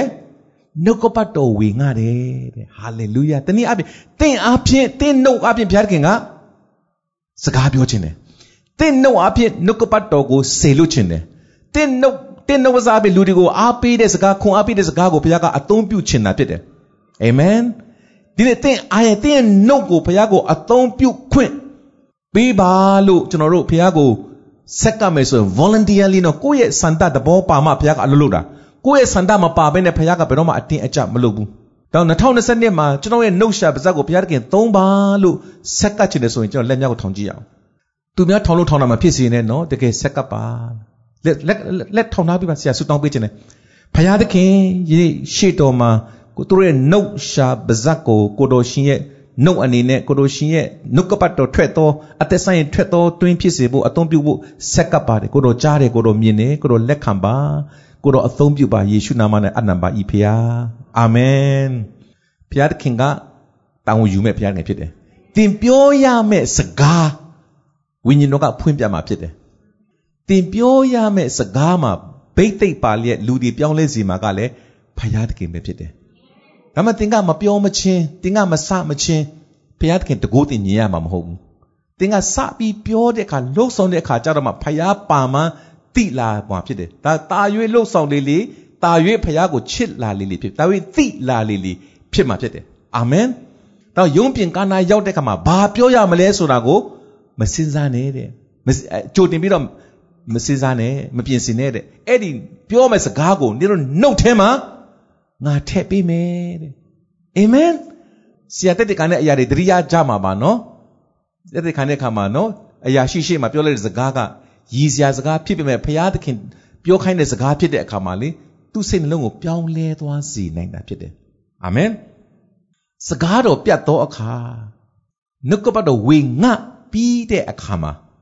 နှုတ်ကပတ်တော်ရောက်လာတဲ့အခါခါတိုင်းမှာတစုံတစ်ခုဧကအမှဖြစ်လာတော့ပဲဆိုတာမျှော်လင့်ပါနှုတ်ကပတ်တော်ရောက်လာတဲ့ခါခါတိုင်းမှာနှုတ်ကပတ်တော်ဝန်ခံတဲ့အခါခါတိုင်းမှာတစုံတစ်ခုနောက်ဆက်တွဲဖြစ်လာမယ်ဆိုတာကိုတော့မျှော်လင့်တတ်ပါအာမင် အခုသင်ရဲ့နှုတ်ကိုဖျက်လက်ထက်အပ်ပြီဆိုရင်သင်ရဲ့နှုတ်ထဲမှာစကားကိုထည့်ပေးမှဘုရားတခင်ဖြစ်တယ်ဘယ်တော့ဘယ်စကားဘယ်လိုထည့်ပေးမလဲဆိုတာမျှော်လင့်နေပါစိတ်လို့ရှားပါအာမင်ဘုရားသခင်ရဲ့စကားဘုရားသခင်အသုံးခံခြင်းတဲ့ဝမ်းမြောက်စာကောင်းတာဂုဏ်ယူစာကောင်းတာမရှိတော့ပါဘူးအဲ့လိုပြောတဲ့ကမှာရေနဲ့ရအရတ်တို့ရွှေဦးလို့တညာလုံးငါဖမ်းလို့မရတဲ့နေရာကိုပြန်လွတ်တာတသက်လုံးတင်အစင်မပြေတဲ့နေရာကိုပြန်ခိုင်းတာ သင်ရဲ့နေရာဟောင်းကိုပြန်စေလွတ်တာနော်စင်ချေပေးစရာအကြောင်းရှိလားရှိတာပေါ့ကိုတော့တညလုံးငါဖတ်လို့မရဘူးလေအခုတော့လဲရမှာမဟုတ်ပါဘူးကိုတော့ထင်တတ်ပါတယ်နော်ဘာကိုကျွမ်းကျင်တဲ့နေရာကိုကိုတွေ့ကြုံခဲ့တဲ့နေရာကိုဒါမှတင်ကြုံတွေ့ခဲ့တဲ့နေရာသွားနေကြနေရာဟုတ်ပေမဲ့ဒီတခါတော့မတူတော့ဘူးလေထဲမှာဘာတူပါလာပြီလဲယေရှုပါလာပြီအာမင်ဒါကြောင့်မနေ့ပြန်မနေ့ပြန်ဆိုတဲ့ဟာတိုင်းကိုကျွန်တော်ကကြုံတွေ့နေရတယ်နော်ကျွန်တော်တို့ အမြဲတမ်းကြုံတွေ့နေရသောကြောင့်မနေ့ဖြန်ကိုလည်းစိတ်လှုပ်ရှားခြင်းတော့မရှိတော့ပါဘူးဟုတ်ဘူးလားမနေ့ဖြန်ကိုစိတ်လှုပ်ရှားတယ်လို့ရှိလားမရှိပါဘူးနော်ဆရာရဲ့ဘဝမှာအာယုံတက်လာတဲ့ခါမှာအယံမျောလင့်ခြင်းရောင်ကြီးပေါ်လာတယ်ဆိုတာခံစားရတဲ့တညရှိခဲ့ဘူးတယ်ဆရာဒီကိုလာပြီးတော့မှတစ်ချိန်မှာမိတ်ဆွေညီကိုနှစ်ယောက်ကိုချင်းတောင်ကနေပြီးတော့အိန္ဒိယကို ကျန်းစာကျောင်းတက်တဲ့ဖို့တော့ပို့ပြီးဖို့ရုံးတာဝန်နဲ့ဆရာသွားပါတယ်အဲ့ဒီအချိန်ကာလကအောင်ဆန်းစုကြည်ဗမာပြည်ကိုရောက်လာပြီးတော့ပထမဆုံးရောက်လာတဲ့အခါဖြစ်တယ်ဇူလိုင်19ရက်နေ့သူ့ရဲ့ဖခင်ရဲ့ဒီအာဇာနီဒီရဲ့ဟိုဟာခန္ဓာမှာသူသွားပြီးတက်ရောက်မဲ့နှစ်ဖြစ်တဲ့အတွက်အရန်ကို tense ပေါ့နော်အခြေအနေအရန်တင်းမှစိုးရိမ်နေရတဲ့ကာလဖြစ်တယ်ဘလောက်ဒီစိုးရိမ်စရာအကြောင်းရှိတယ်လဲဆိုရင်လူငယ်လေးတွေနဲ့ဆိုရင် ဘယ်ဟိုတယ်ကမှလက်မခံရဲတော့ဘူးအထူးသဖြင့်ကျွန်တော်ကရင်ပြည်နယ်ကမပုံနေဆိုရင်ဘယ်ဟိုတယ်ကမှလက်မခံဘူးဆရာနဲ့အရန်ရင်းနှီးတဲ့ Diamond Hotel ဆိုတာရှိတယ်နော်ဘယ်လောက်ထိရင်းနှီးလဲဆိုရင်ဆရာနဲ့ဆရာမိသားစုအချိန်မရွေးလာတဲ့ကျွန်တော်အခမယူပါဘူးဆိုတဲ့အထိရင်းနှီးပါတယ်ဒါပေမဲ့အဲ့ဒီအချိန်ခါမှာကျွန်တော်မိတ်ဆွေနှစ်ယောက်ကိုအဲ့မှာတဲဖို့တော့ခေါ်တဲ့အခါမှာသွားပြီးတော့ booking လုပ်တဲ့ခါမှာလုံးဝလက်မခံဆရာရဲ့တောင်းပန်ပါတယ်ဒီချိန်မှာတော့လက်မခံပါရစေနဲ့တဲ့ ဆရာတိတဲ့ဟိုတယ်တစ်ခုတစ်ခုလည်းတကားခောက်ကြည့်တယ်ဘယ်ဟိုတယ်မှလက်မခံဘူးနောက်ဆုံးကနောက်ဆုံးတော့ဖြစ်ချင်ရဖြစ်ကွာငါအိမ်မှာပဲမင်းမနိုင်အိမ်မှာအမေအိမ်မှာကျွန်တော်ကျွန်တော်နဲ့တူပဲတဲခိုဖို့ကျွန်တော်ကခေါ်လိုက်မယ်ဆိုပြီးတော့အိမ်မှာပေးခေါ်တဲတယ်မင်းမနိုင်လဲဟိုတုန်းကဆိုရင်အဲ့စင်းမစစ်တဲ့ရက်ွက်ထဲမှာပါတယ်ဒါပေမဲ့နောက်ပိုင်းတော့အဲ့စင်းခက်စိတ်စိတ်လေးစစ်လာတယ်ဆိုအာဇာနီနေ့ရောက်လာတဲ့ခါတိုင်းမှာအဲ့စင်းပိုစစ်တယ်ဆိုတာအလုံးသိပြီးသားပါဟာအဲ့ဒီညမှာအဲ့စင်းလာစစ်လို့ကတော့ ငါတော့သွားပြီဆိုပြီးတော့တညလုံးဆိုရင်ဆူတောင်းဆိုရင်ဆူတောင်းဆိုရင်ဆူတောင်းပူပန်ပြီးတော့အဲ့လိုကိုမရတာမနေ့၄နာရီ၅နာရီအာယုံလင်းလာတဲ့ခါကျတော့မှဟာအဲ့ဒီအာယုံလင်းအရတာကအရန်ကိုပျော်သွားတာမနေ့မိုးလင်းပြီအဲစင်းစစ်တဲ့လူမလာတော့ဘူးကြော်လွန်သွားပြီလို့သိတဲ့ခါမှလေစိတ်ထဲမှာပေါ့ပါပြီးလွတ်မြောက်သွားတယ်အဲ့ဒီအရတာဒီနေ့ဒီကျွန်တော်ပြန်စဉ်းစားရင်ခံစားရတယ်ဒီကျွန်တော်ရဲ့အသက်တာမှာ ဖယားသခင်ရောက်လာတဲ့အသက်တာကအာယုံတက်သောအသက်တာအသက်သောယူပါယုံအသက်သောမျောလင်းခြင်းကိုပြန်ပြီးတော့ရသောအသက်တာဖြစ်တယ်အာမင်ဒါကြောင့်2022ကခါတိုင်းနဲ့မတူဘဲနဲ့ဘုရားသခင်နဲ့အတူသွားမဲ့နှစ်ဖြစ်တယ်လို့မျောလင်းခြင်းအသစ်ကိုရတော့ရသောကြောင့်စိတ်လှရှားခြင်းဝမ်းမြောက်ခြင်းကြီးမားသောမျောလင်းခြင်းနဲ့ဝင်သောနှစ်ဖြစ်ကြရအောင်ဆိုတဲ့ခါမှာဘုရားခင်ပြောလာပြီ ပိုက်ကုံကိုချ၍ငါးကိုအုပ်ဆန်းလောဟုရှေမုန်အားမိန်တော်မူ၏ပိုက်ကုံကိုချပါငါးကိုအုပ်ဆန်းကြည့်ပါအရင်ကသူလုပ်ခဲ့လားခရစ်တော်မပါဘဲနဲ့တ냐လုံးစူးစမ်းခဲ့လားစူးစမ်းခဲ့တယ်ရလားတကောင်မှမရဘူးဒါပေမဲ့အခုဆိုရင်တော့ခရစ်တော်ပါလာပြီခရစ်တော်စကားအရာအရင်တော့ကမရခဲ့တဲ့နေရာအရင်တော့ကအစီမပြေတဲ့နေရာမှာပဲခရစ်တော်ရဲ့စကားကိုကြားပြီးတော့လှုပ်တဲ့အခါမှာ ခရစ်တော်စကားကိုကြားပြီးနာခံပြီးလှုပ်တဲ့အခါ तू နားလေလားနားမလဲဘူး तू နားလေထားတာကနေ့အချိန်မှာပိုက်ကွန်ပြင်းငါတကောင်မှမရဘူးလို့နားလေထားတယ်နားလေထားတဲ့အရာကိုဆန့်ကျင်ပြီးတော့ဖယားစကားကိုနားထောင်ခြင်းကိုနားလေထားတဲ့အတွေ့အကြုံခံယူချက်ကိုဆန့်ကျင်ပြီးနှုတ်ကပတ်တော်ကိုခံယူခြင်းကအဲ့ဒါယုံကြည်ခြင်းနဲ့ချတာဖြစ်တယ်အဲ့ဒီကမှာချလိုက်တဲ့အခါမှာဘလောက်အထိတောင်ရတယ်လဲဆိုရင်ပိုက်ကွန်ကစုပ်လူမတတ်တယ်နော်စဉ်းစားကြည့်နော် ငါးတွေကပြည့်လွန်းလို့ပိုက်ကွန်ကစုပ်လူမတတ်ဖြစ်တယ်ကျွန်တော်တို့ကိုရှန်လျက်ကြွယ်ဝစွာပေးချင်သောဖရာတခင်ဖြစ်တယ်ဒါပေမဲ့အဲ့လိုပေးနိုင်ဖို့ရန်အတွက်ကဒီတစ်ခါမှာပိုက်ကွန်ကငါးရှိတဲ့နေရာကိုလိုက်ဖမ်းတာမဟုတ်တော့ဘူးပိုက်ကွန်ရှိတဲ့နေရာမှာငါးတွေကိုထည့်ပေးတာတင်ကလိုက်ရှာတာမဟုတ်တော့ဘူးတင်ရှိတဲ့နေရာကိုဘုရားကကောင်းကြီးတွေဆေးလို့မှာဖြစ်တယ်တင်ကလိုက်ပက်ဆံကိုလိုက်ရှာတာမဟုတ်တော့ဘူးတင်ရှိတဲ့နေရာကိုပက်ဆံကိုဘုရားကထည့်ပေးမှာဖြစ်တယ်ဘယ်နှစလဲလှေနှစီး အပြည့်နော်ခါတိုင်းဆိုရင်အရဆုံးကလှေတစည်းအပြည့်ပေါ့ဒီတစ်ခေါက်တော့လှေတစည်းနဲ့မနိုင်တော့တဲ့အတွက်နောက်ထပ်လှေကနားမှာစိုက်ထားတဲ့လှေတစည်းကိုအမှတ်ပေးရတယ်ဒါကြောင့်မို့ဘုရားသခင်ကစကလေးကအဲ့ဒီလှေကိုမြင်ထားပြီးသားရွေးကောက်ထားပြီးသားဖြစ်တယ်လှေနှစ်စီးကိုအပြည့်ပေးချင်တော့နှစ်ဆအပြည့်ပေးချင်တော့ဘုရားသခင်က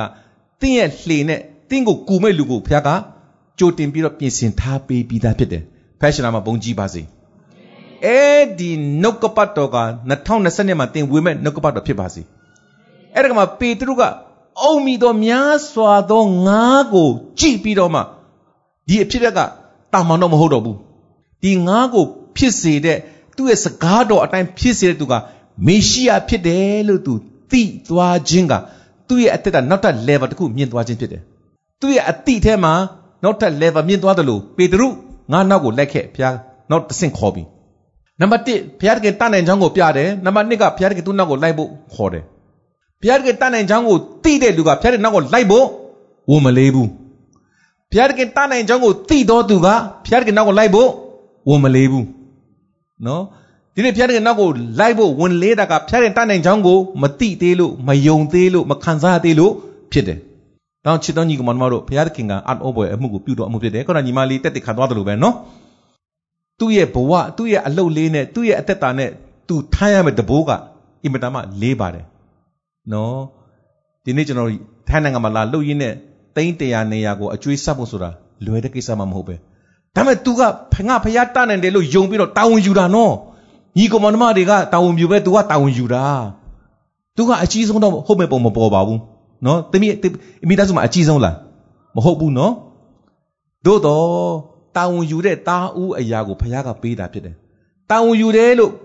ဟိုကိုယ်တဘောတကိုတာဝန်ယူတာမဟုတ်ဘူးနော်။ဖခင်ကိုအားကိုးပြီးတော့တာဝန်ယူလိုက်တာ။ဖခင်တတ်နိုင်တယ်ဆိုတာသိတော့ကြောင့်တာဝန်ယူလိုက်တာ။အဲ့ဒီသိခြင်းနဲ့တာဝန်ယူခြင်းနဲ့စိတ်ချခြင်းရှိလာတဲ့အခါမှာ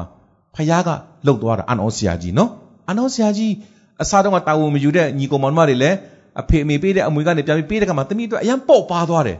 အရန်ပေါ့ပါသွားတယ်ဖျားလုပ်တဲ့အလုပ်ကပေါ့ပါတယ် အာမင်ဒါဆိုတင်းတင်းကိုဖျားတနိုင်ခြင်းကိုသိပြီးတော့မိသားစုတွေရှေ့မှာတော်လကောင်းเนาะကျွန်တော်ရဲ့ဒီအတိုင်းအဝိုင်းလူတိုင်းဝိုင်းမှာတော်ကောင်းတာဝန်ယူတတ်တော်သူဖြစ်ဖို့ဖျားကအလိုရှိတယ်တာဝန်ယူတတ်တာဝန်ယူရဲတဲ့အခါမှာခုနပြောတာဝန်တာဝန်ယူတတ်ဖို့တာဝန်ယူရဲဖို့ဆိုတာလေဖျားတနိုင်ကြောင်းကိုသိမှ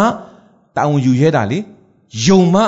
တောင်းယူရဲတာလေဒါမှမဟုတ်ကိုယ့်အစွမ်းနဲ့မှမဖြစ်နိုင်ပဲဒီတသက်လုံးစူးစမ်းရင်တောင်မှ စနိုင်ပါမလားမသိဘူးနော်တို့ရတယ်ဖျားပါလာတဲ့ခါမှာတော့တခဏချင်းတွင်အစဉ်ပြေသွားတာဖြစ်တယ်ဒါကြောင့်မို့ငါလုံးနဲ့ငါးနှကောင်အဖြစ်လူ9000ကိုကျွေးတဲ့အရာဖျားတကယ်ကျွန်တော်ကိုပြနေပါတယ်တာဝန်ယူမယ်လို့တာပြောလိုက်ပါကျန်တာအလုံးဖျားကဒါဖျားတကယ်နိုင်ငံတော်နဲ့ဖြောင်းမချင်းတရားကိုအရင်ရှာကျန်တာအလုံးငါထပ်ပြီးတော့ပေးမယ်ဆိုတဲ့ဂတိကရည်တဲ့တိုင်အောင်အလုံးလုံးလေးရှိသောဂတိတော်ဖြစ်တယ်ဆိုတော့အဲ့ဒီကမှာရှေ့မုံပေတရုသည်မြင်လျင်တဲ့ယေရှု၏ပစစ်တော်ကို ဥတိုက်၍သခင်အကျွန်ုပ်ဒီအပြစ်များသောသူဖြစ်ပါ၏အကျွန်ုပ်စီမှကြွသွားတော်မူပါဟုရှောက်လေ၏အဘယ်ကြောင့်ဤသို့ရှောက်သည်ဟုမူကားအုပ်မိသောငါးများကိုထောက်မိသည်ဖြင့်ရှေ့မုံနှင့်သူ၏အပေါင်းအပေါ်ဇေဗေဒဲ၏သားယာကုပ်နှင့်ယောဟန်ဒီသုံးယောက်ကခရစ်တော်ရဲ့အတွင်းစည်းထဲမှာရောက်လာတဲ့လူဖြစ်တယ်ရှေ့မုံပါရမတ်တို့သည်မိန်မောတွေ့ဝေခြင်းရှိကြ၏အန်အောမိန်မောတွေ့ဝေသွားတယ်အန်အောသွားတယ်ပါဇက်ဟောင်းလုံးကြီးနဲ့ဟာ ငါတို့တတဲလုံးလှုပ်လာတာဒီလိုတခါမှမရဘူးသေးဘူးနော်ကြည်စမ်းလှေတစည်းမကနစီတောင်မှပြည့်လို့မတက်နစ်လို့မတက်ငါးများကိုအုပ်မိတာဒီလူကမေရှိယဖြစ်ရမယ်ဖယားပဲဖြစ်ရမယ်လို့သိသွားတဲ့အခါမှာသူတို့ရဲ့ဘဝတတမှာလူကိုမြားတော့တငါအဖြစ်ဖယားက next level ကိုမြင့်တင်ပေးလိုက်တာဖြစ်တယ်နောက်2021မှာထက်2022မှာကျွန်တော်တို့ကတာ၍မြင့်သောအရာကိုဘုရားကပို့ဆောင်မဲ့ဘုရားဖြစ်တယ် 2021ထက်2020မှာဘုရားကတာ၍မြင့်ရာကိုပို့ဆောင်ပေးမဲ့ဘုရားတခင်ဖြစ်တယ်အခြေအနေကတော့ပါတာ၍ဆိုးမှာဖြစ်တယ်ခက်ခဲမှာဖြစ်တယ်အဲ့ဒီဆိုးရုပ်ဆိုးရုပ်ချင်းခက်ခဲခြင်းကြားတဲ့ကဘုရားရဲ့ချီးမြှောက်ခြင်းကတာ၍ထင်ရှားလေလေဖြစ်တယ်ဒါကြောင့်မစိုးရင်နဲ့မကြောက်နဲ့နော်ရဲရဲဝင်ခြင်း be courage နော်ရဲရင်ချင်းရှိပါသင်ဘုရားသခင်ငါတို့ကိုကြောက်တတ်တဲ့သဘောကိုမပေးဘူးတကိုးပါတော့စိတ်ချစ်တတ်သောစိတ် ရှင်းလင်းသောစိတ်သဘောကိုပေးတော်မူ၏ယနေ့ဒီတရားစကားကိုကြားနာခံယူပြီးတော့ရှင်းရှင်းလင်းလင်းစိတ်နဲ့22ကိုဘုရားသခင်နဲ့အတူဝင်ဖို့ကျွန်တော်တို့ပျော်ရွှင်စွာစိတ်လှရှားခြင်းမျောလင့်ခြင်းနဲ့သွားဖို့ရန်အတွက်နှုတ်ကပတ်တော်အပြင်ခွန်အားပေးခြင်းနဲ့ဒီခါမှာပေတရုကကိုတော်ကျွန်တော်ထံကကြွသွားမှမထိုက်တန်ပါဘူးနှိမ်ချခြင်းနော် humility အင်မတန်မှအရေးကြီးတယ်ဘုရားသခင်ရှေ့မှာလာတဲ့ကမှာနှိမ်ချခြင်းနဲ့လာပါနှိမ်ချတော့သူကိုဘုရားကပါလဲချီးမြှောက်မယ် နှိမ်ချတော့သူကိုဘုရားသခင်ကချီးမြှောက်မယ်ဒီနေ့ယေရှုဖခင်သခင်ကအဖခမည်းတော်ရှေ့မှာနှိမ်ချတယ်ဆိုတော့ကအဖခမည်းတော်ပြောသမျှကိုဝန်ခံလျက်ပြောသမျှအတိုင်းပဲလုပ်တော်မူသောဝန်ခံတော်မူသောဖခင်ဖြစ်တယ်။ဒါနာမတကာတဲ့တကူငါချီးမြှောက်မယ်။ဒီနေ့တင်ဒီ2020မှာနှိမ်ချခြင်းနဲ့ဘုရားတခင်စကားကိုဝန်ခံပါမယ်လို့သွားမယ်ဆိုရင်ခုနစောစောတုန်းက ပြောခဲ့တဲ့မဿဲခန်းကြီး၄ထက်ကအရာအတိုင်းတင့်ကိုစာတမဏကစပြီးတော့စုံစမ်းတော့မှာမင်းကဘုရားသားမှန်လို့လားမင်းကဘုရားတခင်စကားကြားတာမှန်ရဲ့လားမင်းတကယ်ဟုတ်ရဲ့လားလာလိမ့်မယ်နော်ဘယ်လိုဖြစ်ရမလဲကျမ်းစာလာဒီကမုံအဖြစ်သာအသက်ရှင်ရတဲ့မဟုတ်ဘုရားတခင်မိမ့်မာတော်မူသည်များအဖြစ်အသက်ရှင်ရ၏မုံအဖြစ်သာအသက်ရှင်ရမယ်ဆိုတော့သင်ရဲ့အလုပ်အဖြစ်တင်းရဲ့စီးပွားရေးလုပ်ငန်းအဖြစ်ဒါကိုပဲကျွန်တော်တို့ဒါဒီယာကိုအားကိုးပြီးတော့အသက်ရှင်ပြောတာမဟုတ်ဘူးဘုရားသခင်ရဲ့ပြောတဲ့မြတ်အတိုင်းအသက်ရှင်ဖို့ရအတွက် ပြောနေတာဖြစ်တယ်ဆိုတော့နားလေစီခြင်းတယ်အာမင်တင့်ကို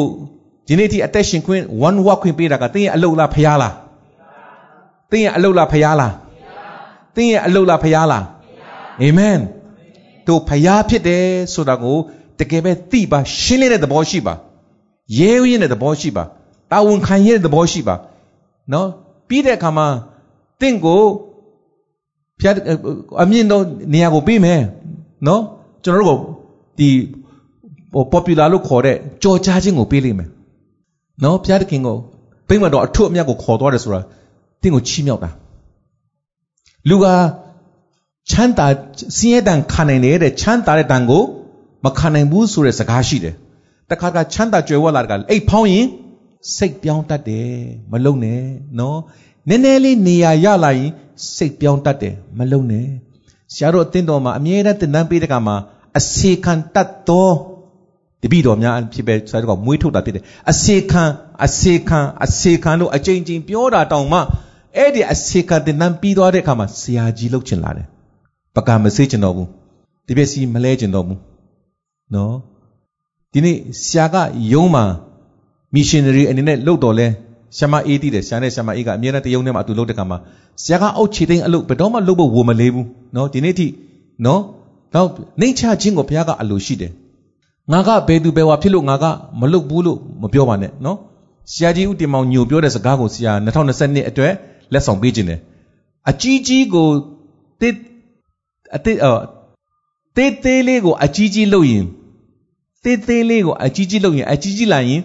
သေးသေးလေးဖြစ်သွားမယ်နော်တဲ့ နော်သေးသေးလေးကိုအကြီးကြီးလုပ်ရင်အကြီးကြီးလာရင်သေးသေးလေးဖြစ်သွားမယ်တင်းငယ်တဲ့အမှုသေးသေးလေးအလုပ်ပဲဒါကငါကတင်းအောင်ဆရာပဲငါကဆရာပဲငါကဘေသူပဲဝါပဲငါအလုပ်မဟုတ်ဘူးလို့ကြီးကျယ်နေရင်သေးသေးလေးအလုပ်ကိုကိုကကြီးကျယ်နေရင်အကြီးကြီးလာရင်သေးသေးလေးဖြစ်သွားမယ်ဖျက်ခင်ကြီးသောအမှုတင်းကိုမအပ်တော့ဘူးသေးသေးလေးဖြစ်သွားမယ်ဖျက်ခင်ရှိမှသေးသေးလေးဖြစ်သွားမယ်ဒါကြောင့်မို့ဒီနေ့ကျွန်တော်တို့ရဲ့အသက်တာမှာအမြဲတမ်းနှိမ့်ချတဲ့သဘောအစီကတတ်တဲ့သဘောလာပါအာမင် ယေရှုခရစ်တော်ဘုရားသခင်ကိုယ်တိုင်ပင်လင်လောကကိုလာတဲ့ကမှာစေစားဖို့မလာဘူးအစေခံဖို့လာတယ်တဲ့ဒါကြောင့်ယေရှုနောက်ကိုလိုက်တော့သူများကအစေခံများတာလည်းဖြစ်တယ်ရှင်ပေါလုကငါကဘယ်သူရဲ့ကျွန်မှမဟုတ်တော့လဲလူတကာကိုရဖို့ရတဲ့ငါကလူတကာရဲ့ကျွန်ဖြစ်တယ်ခံယူထားတာနော်ပေတရုက sorry ပေါလုကတကယ်ကိုဖာရီရှဲလေကျမ်းတက်ပုဂ္ဂိုလ်လေကျွန်တော်ဒီ Bible scholar ပေါ့နော်ကျမ်းပြုကျမ်းတက်ပုဂ္ဂိုလ်ကြီးဖြစ်တယ် ဖာရီရှဲမွေးကလေးကဒီတရားတွေကိုသူကျင့်ခဲ့တဲ့သူဖြစ်တယ်ဒါပေမဲ့ဘုရားခင်ရှိမှသူကအပြစ်အကြီးဆုံးတော့ဖြစ်တယ်လို့သူကဝန်ခံခဲ့တယ်ဒီကျွန်တော်တက်တာမှာကြီးကျယ်စရာအကြောင်းဘာမှမရှိဘူးကြီးကျယ်ရင်ဘာလို့မလဲသေးသေးလေးဖြစ်သွားမယ်တော့2020မှာနှိမ်ချခြင်းနဲ့တွားရအောင်ဘုရားရှင်စကားကိုဝန်ခံခြင်းနဲ့တွားရအောင်တင်းရဲ့လှေတင်းရဲ့အသက်တာမှာဘုရားခင်အတူပါမယ်ဆိုတာကိုဘုရားကိုခေါ်ဖိတ်ကြရအောင်အာမင်တင်းကိုယ်တိုင်ခေါ်ဖိတ်မှဘုရားကလာမှာပါ ဘုရားကတင်းကိုသုံးပါရစေလို့ပြောတော်လဲတင်းကသုံးပါလို့အခွင့်မပေးရင်ကိုတော့ကမလာပါဘူးနော်ဒါကိုတော့ကျွန်တော်ရဲ့အသက်တာကျွန်မရဲ့အသက်တာမှာကိုတော့ဝင်လာပါကိုတော့နဲ့အတူကျွန်မ2020ကိုဝင်မယ်လို့ဘုရားတခင်စီမှာအနာမယ်ဆိုရင်တင်းရဲ့အသက်တာလှေငယ်လေးပေါ်မှာဘုရားတခင်အတူရှိပြီးတော့နှုတ်ကပတ်တော်ကိုဝေငှမဲ့ဘုရားတခင်ဖြစ်တယ်များစွာသောငါးများကိုအုပ်မိပြီးတင်းရဲ့စီးပွားရေးကိုပွားများစေမယ့်အပြင်အဲ့ဒီစီးပွားရေးတဲ့တာ၍များတဲ့လူကိုမြားသောတငါ ဖြစ်စေမယ့်ဘုရားတခင်ဖြစ်တယ်အာမင်ဤကျမ်းစာအပြင်နှုတ်ကပတ်တော်အပြင်တင်းကိုဘုရားတခင်အထူးကောင်းကြီးပေးပါစေ2020နှစ်မှာယေရှုနဲ့အတူဝင်သောနှစ်ဖြစ်ကြရအောင်ကျွန်တော်ကျွန်တော်ရဲ့အသက်တာလီငယ်လေးမှာကိုတော်ကြွလာပါကျွန်တော်တို့ကအသုံးခံဖို့အစဉ်လေးဖြစ်ပါတယ်လို့ဝန်ခံရင်ရှိတဲ့ညမှာကျွန်တော်မတ်တရကြရအောင်နော်ဟာလေလုယာကျွန်တော်ကျွန်မရဲ့အသက်တာကိုကိုတော်အသုံးပြုပါလို့အရင်လေသင်ရဲ့နှုတ်အချင်းကိုလည်းဘုရားသခင်သိတယ်သင်ရဲ့အားငယ်အားငယ်ခြင်း အားနေခြင်းမစုံလင်ခြင်းကိုလည်းကိုတော်ကသိတယ်တိတိခြင်းနဲ့သင်ကိုခေါ်တာပါတင်းနေခြင်းနဲ့သင်ကိုဘုရားသခင်ကအသုံးပြုချင်တာပါတန်ငါလီကဲ့သို့အနတ်တဲ့မကောင်းပဲနေပါလေစေဘုရားသခင်ရောက်လာရင်အားလုံးအစဉ်ပြေသွားမှာဖြစ်တယ်အာမင်သင်ကိုဘုရားသခင်ကတန်ရှင်းစေပြီးဖြောင့်မတ်စေပြီးစုံလင်စေပြီးကြီးသောအမှုသင်အပြင်ပြုဖို့အစဉ်သင့်ရှိပါတယ်အဖဘုရားသခင်2022ကတာ၍ခေရင်သောနှစ် ဆရာဒေးဗစ်လာအပြင်ကျွန်တော်တို့ကိုပြောသွားတဲ့အရာ disorder ကစင်ကလျာအစီအစဉ်မကြကမောက်ကမဖြစ်မဲ့နှစ်လို့ပြောထားပါတယ်အဲ့ဒီဂျားထဲမှာဖယားနဲ့အတူသွားတဲ့အခါမှာတော့ကမောက်ကမဖြစ်ခြင်းကနေအစဉ်အတိုင်းဖြစ်ခြင်းတို့ဘုရားကပြောင်းပေးမှာဖြစ်တဲ့ကြောင့်ဂျေဇုတင်တယ်အစဉ်မပြေခြင်းကနေအစဉ်ပြေခြင်းကိုဘုရားကဖြစ်စေမှာဖြစ်သောကြောင့်ဂျေဇုတင်တယ်တညာလုံးစူးစမ်းပြီးမရတဲ့ငါးများကိုလေနစီအပြည့် ခါတိုင်းကောင်းကြည့်တဲ့နဆခါတိုင်းတဲ့နစင့်တက်တဲ့ကောင်းကြီးမင်္ဂလာကိုတော့ပေးအောင်မဖြစ်တဲ့ကြောင့်ဂျေဇုတင်တယ်ဒီနေ့တိုင်းပြီးတော့တက်တာကိုတော့ရှင်အသုံးပြုပါကျွန်တော်ဝန်စာရေးထက်ကိုတော့ရှင်နှုတ်ကပတ်တော်အတိုင်းအစီခံနှိမ့်ချခြင်းနဲ့အစီခံခြင်းပို့တက်တက်ခံဖို့ကျွန်တော်တို့ဝန်ခံပါတယ်ကိုတော့အသုံးပြုပါအထွတ်အမြတ်ကိုပို့ဆောင်တော်လဲဒီအထွတ်အမြတ်ကိုကျွန်တော်ကမေမောခြင်းမရှိဘု ရားသခင်ကိုအဆုံစမ်းမပြုရဆိုတဲ့အတိုင်းကျွန်တော်စုံစမ်းခြင်းကိုခံနိုင်ပါမည်အကြောင်းအန်အောဘအမှုကိုပြုပါ။အိုးဖဖျားတခင်နောက်ဆုံးတိုင်းနိုင်ငံတွေကိုပြပြီးတော့စီးစိမ်ဥစ္စာအားလုံးကိုငါပေးမယ်ငါ့ကိုကိုးကွယ်ပါလို့ပြောလာတဲ့အထိကိုးကွယ်မှုလွဲမားတဲ့အထိခေါ်ဆောင်သွားတဲ့အရာနောက်ကိုမလိုက်ပါမည်အကြောင်းကြွယ်ကာပေးပါဖျား။တန်ရှင်တော်ဝိညာဉ်တော်ဖျားလမ်းပြပေးပါအလင်းပေးပါခိုင်ခန့်စေပါဂျေဇုတော်ဒီကျွန်တော်ကိုခေါ်ဆောင်ပေးပါဂျေဇုတော်ဂျေဇုတော်မှာတပါအခြားသောမင်္ဂလာကျွန်တော်တို့မှာမရှိပါလို့ ဆက်ကအနံပါတယ်ဒီတာမီတို့မတရားလက်ဆက်ကအနံကြတော့လှေငယ်လေးပေါ်မှာကိုတော်အကြည့်ရှုကြွလာလက်တရားတော်ကိုဟောတော်မူပါစကားတော်ပြတ်သောအခါမှာလဲဆေလွတ်တော်မူပါဆေလွတ်တဲ့အခါမှာလဲနှိမ့်ချခြင်းနဲ့တွားနိုင်ပါမည်အကြောင်းသားသမီးတို့ကိုရှင်းလင်းသောသဘောကိုပေးပါလက်တော်ထဲမှာအပ်ပါတယ်လာမယ့်2020ကကောင်းကြီးနှစ်ဆခံစားရရမယ့်နေ့ဖြစ်သောကြောင့်ယေရှုတည်တယ်လို့ဝန်ခံပါတယ်ဝန်ခံပါတယ်ယေရှုနာမနဲ့ယေရှုတော်ချီးမွမ်းတဲ့ဆုတောင်းဆက်ကအနံ့ကြပါတယ်အဖဖရာသခင် အာမင်ဖခင်တော်၏မေတ္တာတော်သည်၎င်းသားတော်သခင်ယေရှုခရစ်တော်ဖရာနှင့်တန်ရှင်တော်ဝိညာဉ်တော်ဖရာ၏မိတ္တာရဖွဲ့ခြင်းသည်ဒီနေ့ဝုပြုကိုးကွယ်လေနှုတ်ကပတ်တော်ခံယူကြအသောသားသမီးတယောက်စီတိုင်းပေါ်မှာနေမဆလဲကာလအစဉ်အမြဲတည်ရှိတည်နေပါစေသော